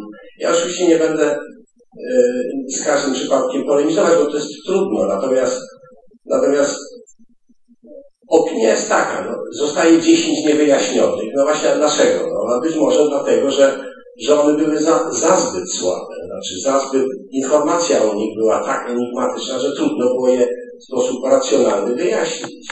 Jeżeli ktoś tam mówi, prawda, że widział, no to co tu wyjaśniać więcej? No, widział i koniec. No. Znaczy, ja mówię, no, no tu jest bardzo trudna, bardzo trudna. Ja rozumiem, że gdyby były zastępy ludzi, gdyby wylądował jakiś, jakiś pojazd taki i no i można byłoby tam przyjść, zobaczyć, wiele osób mogłoby wejść i zobaczyć, jak to wygląda, o, ktoś by, no zaproście panu, jak zobaczycie takiego, taki pojazd, który wylądował w Polsce, zaproście tutaj przedstawicieli nauki, wszyscy przyjdą i zobaczą to i wtedy uwierzą. No. Tylko, tylko widzicie, najprawdopodobniej jest tak, że wy macie przekazy ludzi, bo zadałbym takie pytanie, czy ktoś z panów siedział w takim pojeździe i dotykał takiego e, człowieka z, przybytego z kosmosu? No powiecie nie, prawda, jeżeli, jeżeli mieliście szczerze. Odpowiecie, że nie, nie dotykaliście tego. No ale czy wy wierzycie w przekazy? No, nie zmuszajcie naukowców, żeby też wierzyli w przekazy. No, my po prostu takie przekazy niestety w większości nie jesteśmy w stanie uwierzyć. No, to to jest odpowiedź na to, że nauka się nie chce tym zająć profesjonalnie. Natomiast jak mówię, nie jest tak, że nauka coś odrzuca z definicji.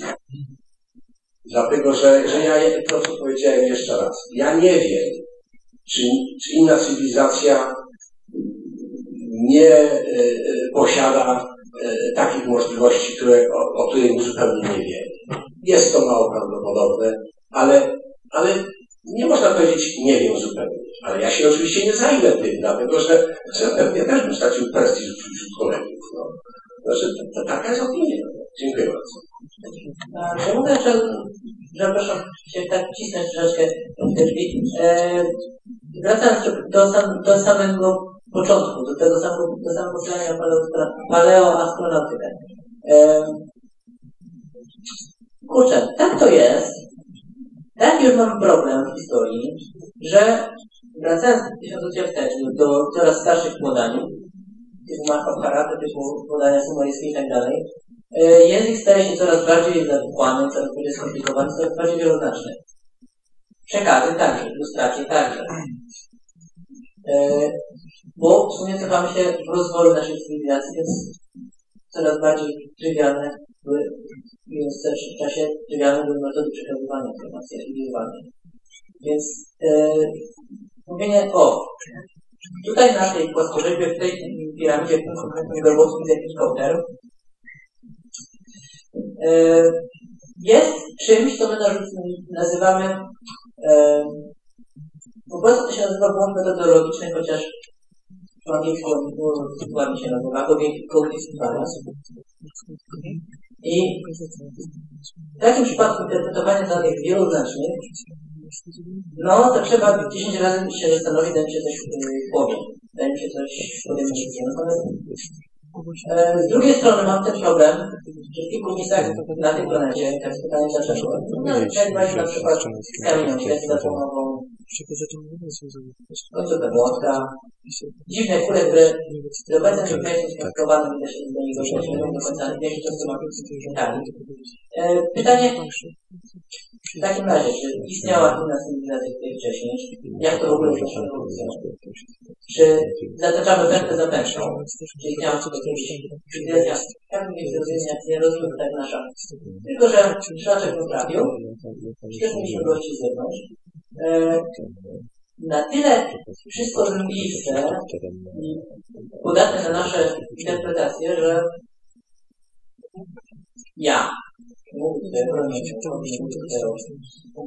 ja. Dziękuję. E, ja jeszcze tylko w kwestii informacyjnej e, dodam, że jest to faktycznie ostatnie 10 minut e, naszej debaty. Każdy po, po tym, tak? A jest szansa, myślę, na może, na wniesienie jeszcze do tej dyskusji, którą rozpoczęliśmy teraz. Taką, i podsumowanie, tak, ja myślę, że to proszę dać każdemu z nas porówną ilość czasu i będzie to wszystko. Tak? Tak, e, jasne, jak najbardziej. Myślę, że dwie, no, dwie i pół minuty, trzy. Trzy minuty myślę, że możemy na ciągu wziąć troszeczkę czas. Po trzy minuty. Dobra. To jest ostateczna decyzja naszego małego grona organizatorów. Po trzy minuty krótkiego podsumowania. Później oczywiście jest czas, jeżeli oczywiście e, tutaj szanowni prelegenci e, się zgodzą i pozwolą na e, jakąś taką dyskusję kuluarową, kuluarową fuaje tutaj naszej akademii. Także, no dobrze, to może ja zacznę. No jestem nieco zdziwiony, że tak mała liczba osób tutaj na, na publiczności właśnie dzisiaj przybyła na tą debatę.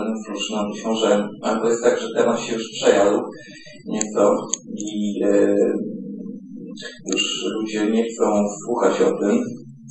Albo tutaj jakiś inny powód e, też zaistniał, nie, nie wiem, ale cieszę się w ogóle, że ktoś tutaj przyszedł jednak, żeby posłuchać o takim niezwykłym temacie jak, jak UFO, jak manifestacje niezidentyfikowanych obiektów I tak jak powiedziałem na początku tej naszej debaty, takie spotkania są ważne, istotne. E, my też e, robimy cykle podobnych spotkań w różnych miastach w Polsce. No i zdarza się tak, że na jedno spotkanie przyjdzie 10 osób, a jest też tak, że na spotkaniu pojawi się 150 osób. Były takie spotkania. Także są istotne po to, żeby, żeby rozmawiać, żeby wymieniać poglądy i tak jak mówiłem wcześniej, nikt z nas nie, nie przyjechał tutaj, żeby przekonywać Państwo, że UFO istnieje, bądź nie istnieje. Pokazujemy pewne, pewne wiadomości, przekazujemy pewne e, wiadomości o, o wydarzeniach, jakie naszym zdaniem e, są autentyczne. I tak jak mówiliśmy już wcześniej, e, tylko 10, około 10%, e, Janusz e, tutaj wspomniał, nie, nie możemy powiedzieć na pewno, ile tych przypadków e, takich godnych uwagi jest, ale w większości ponad 90% da się wyjaśnić. Ostatnio dużo jest doniesień, tak jak też mówiłem o tym wcześniej, mm, masę otrzymujemy po kilkanaście maili tygodniowo nawet, ze zdjęciami, filmami, ludzie pytają, co, co widzieli. I co się okazuje? No, że to są lampiony chińskie. Takie moda na, na te lampiony właśnie tutaj pojawiła się ostatnio. No i mamy, mamy kłopoty z tymi przypadkami, no bo trzeba to tym ludziom tłumaczyć, opisywać i wyjaśniać. I cóż, i tak, oby jak najwięcej tego typu spotkań, e, oby jak najwięcej wymiany poglądów, dyskusji. No, my mamy swoje zdanie, Państwo ma, mają swoje zdanie i o to chodzi. Trzeba, trzeba debatować. Oczywiście, no, jeżeli chodzi o, moją, o moje osobiste podejście, to ja nie mam żadnych wątpliwości, że zjawisko UFO jest faktem, że jakaś część z tych pojazdów faktycznie należy do przedstawicieli obcych cywilizacji. E, z tym, że no tak jak mówiłem wcześniej, nie jesteśmy w stanie tego udowodnić. I wnioski musi każdy, każdy z sam wyciągnąć. To ode już tyle, nie będę przedłużał. Jeszcze raz dziękuję za zaproszenie i cieszę się, że część osób została. Jeśli chodzi o kwestię niższej frekwencji, po pierwsze rok temu było, więc e, sądzę, że jednak w tym samym miejscu, częściowo w podobnym składzie, to jakby zjeść jeszcze raz to zamówienie, ale byli też nowe osoby. E, to jest raz. E, po drugie, wydaje mi się, że jest głębszy powód tego, bo pytałem w kuluarach organizatorzy mówią, że wykonali te same czynności reklamowo-marketingowe, które rok temu, więc tutaj nie było błędu sztuce. E, raczej pewna oprócz tego, że było raz rok temu, to myślę, że coś jest takiego w przestrzeni naszej, że ludzie są coraz bardziej wdeptani jakby swój świat, swoje obowiązki, tu naukę na uczelni, różnego typu problemy, które każdy z nas na co dzień ma i musi rozwiązywać i coraz bardziej odsuwa od siebie takie tematy jak nasz, nie tylko takie jak nasz. I wydaje mi się, to jest jeden z usprawiedliwia po części tego, co się stało. Y, tutaj podobnie jak Marcin, y, nie to, że nie chcę was przekonywać, ja osobiście staram się przekonywać ludzi do swojej racji. Też chcę tutaj oświadczyć po raz kolejny, i to jednoznacznie, że za częścią tych manifestacji UFO, za częścią kryje się aktywność ewidentnie istot poza naszego świata, e, mówiąc w jakiś tam sposób też istot pozaziemskich. To jest oczywiste. W mojej ocenie akurat może to inaczej nawet niż Marcin. Dowodów jest brud. Jest to kwestia oceny tych dowodów. Jeżeli przed sądem stanie dwóch świadków i opowie dokładnie, jak wygląda wypadek samochodowy, i później to szlaki tam w śledztwie wykażą i prokuratura to w jakiś sposób wyłoży, to sędziowie podejmują jednoznaczną decyzję, kto jest winny temu wypadkowi i ponosi karę. W związku z tym nie jest to badanie laboratoryjne, nie potrzeba tych naukowców takich, którzy przyjdą tam ze wszystkim i, udowodnią. Wystarczy relacja dwóch, trzech świadków trochę jeszcze poszło, prawda? I można powiedzieć wiedzieć, co jest prawdą, a co nie jest prawdą. W sprawie UFO tak nie jest. Są setki tysięcy świadków, są różnego typu paradowody, postaci śladów, i tej prawdy nie można rozstrzygnąć. Aczkolwiek w prawda związana z ich obecnością tutaj jest tak wielka, że tych dowodów, te dowody muszą być nadzwyczajne. I to właśnie rozumiem, że jest problem. Na koniec każdy z nas troszkę reklamuje, promuje. Jeżeli chcecie być w kontakcie z nami, po prostu wchodźcie na nasze strony. Pracujemy bardzo intensywnie, robimy mnóstwo różnych ciekawych rzeczy. Mamy tej wiedzy więcej niż myślicie. To nie to, że tylko my w naszych głowach, ale znamy ludzi, którzy mają tą wiedzę. Ja na przykład na mojej stronce osobistej co tydzień w niedzielę 20 wydaję swój program. Łączymy się telefonicznie z wieloma osobami ciekawą wiedzę, nie tylko o UFO, ale w ogóle o świecie, w którym żyjemy. Dziękuję Wam za uwagę. Dziękuję organizatorom. Dziękuję Pani Juszu. E, również chciałbym podziękować bardzo organizatorom za zorganizowanie tej debaty. E, moim zdaniem takie debaty są bardzo potrzebne. Co prawda nie jest ich celem przekonywanie społeczeństwa o istnieniu bądź nieistnieniu zjawisk paranormalnych takich jak UFO czy inne zjawiska. E, dzięki takim debatom jednak nasze społeczeństwo przekonuje się, że UFO to nie jest jakiś czyjś tam wymysł, czy jakaś powiastka science fiction, samo się pisząca i tak dalej, i tak dalej. Tylko, że jest to problem realnie istniejący, który warto badać i który w wielu przypadkach trzeba wręcz badać. To tyle. Dziękuję. Dziękuję Pana Profesora i Pana Dziękuję. Proszę Państwa, Dobrze, że, że, że w ogóle możemy skonfrontować nasze, nasze poglądy, żebyście Państwo zaprosili kogoś z, z przedstawicieli nieobcisłych. Jak mówię jeszcze raz podkreślę, że jestem sceptyczny. Tutaj mówił Pan, że trzeba sądzić. No, sędzia wyciągnie e, wniosek na podstawie e, prawda, jest zeznania jednego świadka, drugiego świadka i powie, jaka była prawda w zderzeniu samochodów. Natomiast z pewnością nie wyciągnie wniosku na temat prawideł przyrody. Prawda? A tutaj e, mówimy o, nie o jakimś takim incydentalnym wypadku, tylko o bardzo poważnym prawidle przyrody, czyli istnieje cywilizacja pozaziemska, która poza tym ma taką, jest tak daleko rozwinięta, że mimo tych potężnych odległości praw, które znamy, wszystko ma jakieś inne jeszcze prawa nauki, które i potrafi się z nami skontaktować. Co więcej, jak panowie sądzicie, ląduje tutaj u nas na ziemi i są dowody na to, że, że, że jest. No, jak mówię, ja takiego dowodu nie mam żadnego. Jestem sceptyczny co do tego. Natomiast ja rozumiem nastawienie osób, które, które się tym zajmują. No, znaczy, że tak powiem, nie, nie patrzę, nie kiwam z politywaniem głową, nie róbcie tego, bo tego nie będę mówił oczywiście. Natomiast, jak mówię, jestem sceptyczny, z punktu widzenia naukowego jest trudno, dlatego że co, no jak panowie będziecie mieli przypadek taki, że coś wyląduje i to trzeba zbadać, czy to jest ziemski helikopter, czy, czy przybysz z kosmosu, no to wtedy jak poprosicie kogoś z uniwersytetu czy z politechniki, to właśnie się uruchomią przyjadą zobaczą i wtedy będzie to oczywiście, to by była bardzo istotna informacja na, na, na, na Natomiast E, możemy dyskutować już prywatnie na temat doniesień wojskowych. Z, woj z wojskiem to jest zupełnie troszkę inna sprawa, bo wiecie, że wojsko jest tajemnica. Znaczy wojsko niezależnie od tego, co ma, to nie ogłosi światu, bo, bo, bo się będzie bała, że, że cokolwiek powie, to zdradzi tajemnicę wojskową. Więc, więc oni oczywiście trzymają to wszystko i potem dopiero gdzieś tam po, po wielu, wielu, e, jakimś dłuższym okresie czasu ujawniają tą, tą, tą prawdę. Więc jak mówię, jestem sceptyczny, natomiast jeżeli panowie badacie i znajdziecie taki przypadek, to się polecam, zaproście, przyjadę na pewno. Dziękuję bardzo. Dziękuję, Dziękuję również i jeszcze Mikołaj. Ciężko się żegnać, e, ciężko podsumowywać. Mówiliśmy tutaj o dowodach, o tym, jak bardzo te dowody mamy ręce nogi. E, ja bym się chciał skupić na czym innym na tym, że cały czas musimy sobie to pytanie zadawać. E, I cały czas e, dzielić na, e, ten głos na cztery, właściwie na cztery silnia, jeszcze bardziej, żeby dochodzić do tej prawdy,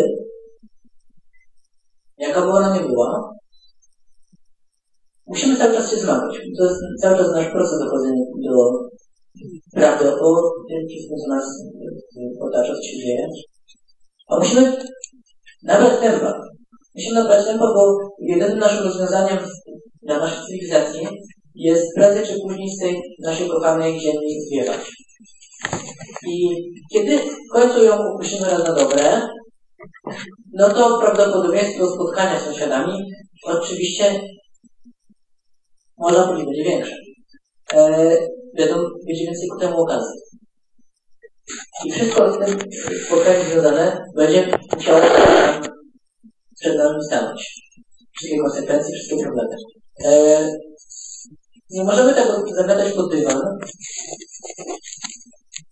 bo raz, że nie, nie, nie wolno tego robić nam naukowcom, nie, może, nie możemy sobie czegoś takiego zrobić, ze wbrew metodologii. E, nie można tego zakopywać pod dywan tylko dlatego, że jest to niewygodne, coś, coś nie pasuje komuś światopoglądzie. E, wszyscy szukajcie, e, bo jeżeli, jeżeli zabierzecie zawsze wiecznie na tych kilku godzinach zwalać robotę, no to daleko nie zajdziemy. Dziękuję bardzo za to ostatnie podsumowanie.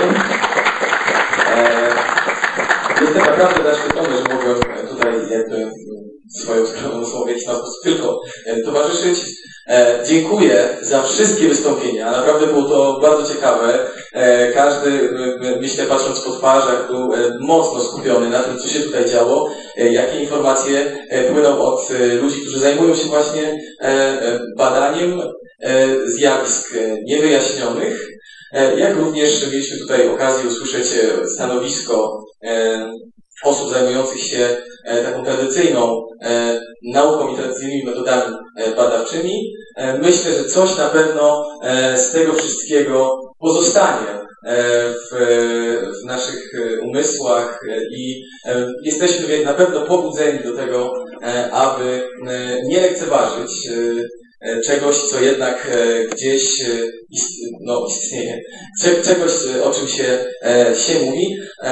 Także ja jeszcze chciałem podziękować osobiście każdemu z prelegentów. Bardzo dziękuję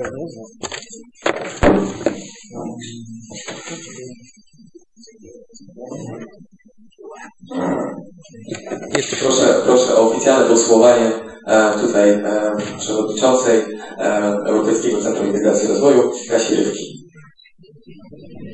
No ja przede wszystkim chciałabym jeszcze raz tak bardzo oficjalnie podziękować Panu za przybycie. Naprawdę jesteśmy pod wielkim wrażeniem e, Panów doświadczeń, wiedzy, którą mają Panowie. E, no i jesteśmy zobowiązani za to, że zaszczycili nas Panowie tutaj swoją obecnością, że chcieli się podzielić tym wszystkim, e, czego przez lata mieli okazję doświadczyć i dowiedzieć się. Dziękuję bardzo. Dziękujemy i brawo dla Akademii Ekonomicznej, naszemu kołu naukowemu.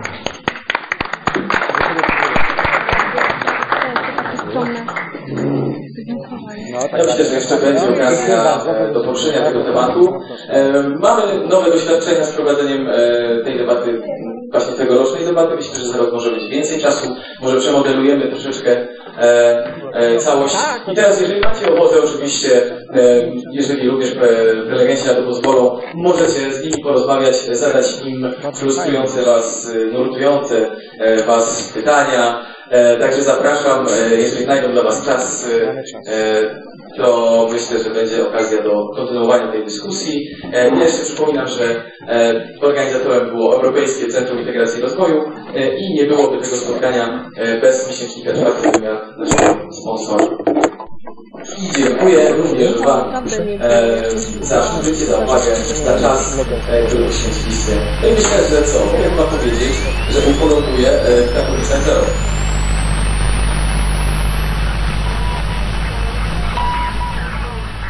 Prezentujemy zapis krótkiej rozmowy z Marcinem Mizerą, szefem projektu Na progu nieznanego. Rozmowa została zarejestrowana w dniu 14 grudnia 2009 roku po debacie ufologicznej, która odbyła się na terenie Akademii Ekonomicznej w Katowicach. Rozmawiamy z Marcinem Mizerą, szefem projektu Na progu nieznanego. Witaj. E, witam Ciebie, witam Państwa. Tak na świeżo, jak ocenisz przebieg dzisiejszej debaty? Czy ona coś nowego wniosła do, do tematyki UFO?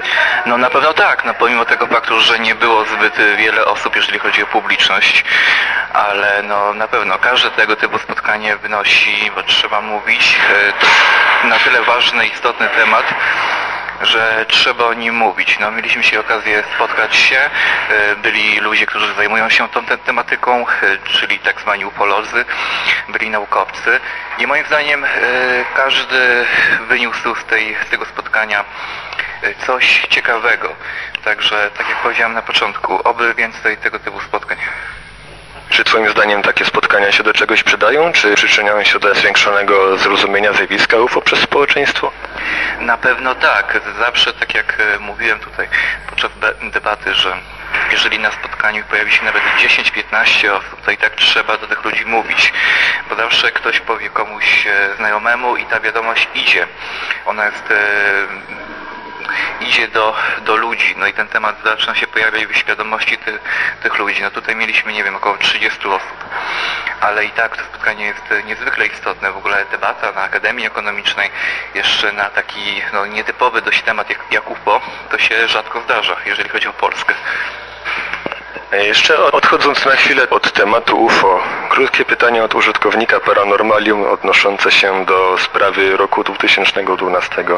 Czy można się gdzieś e, zapoznać z obliczeniami, z których wynikło, że właśnie 21 grudnia 2012 roku wydarzy się to, co, o czym mówi Patryk Geryl?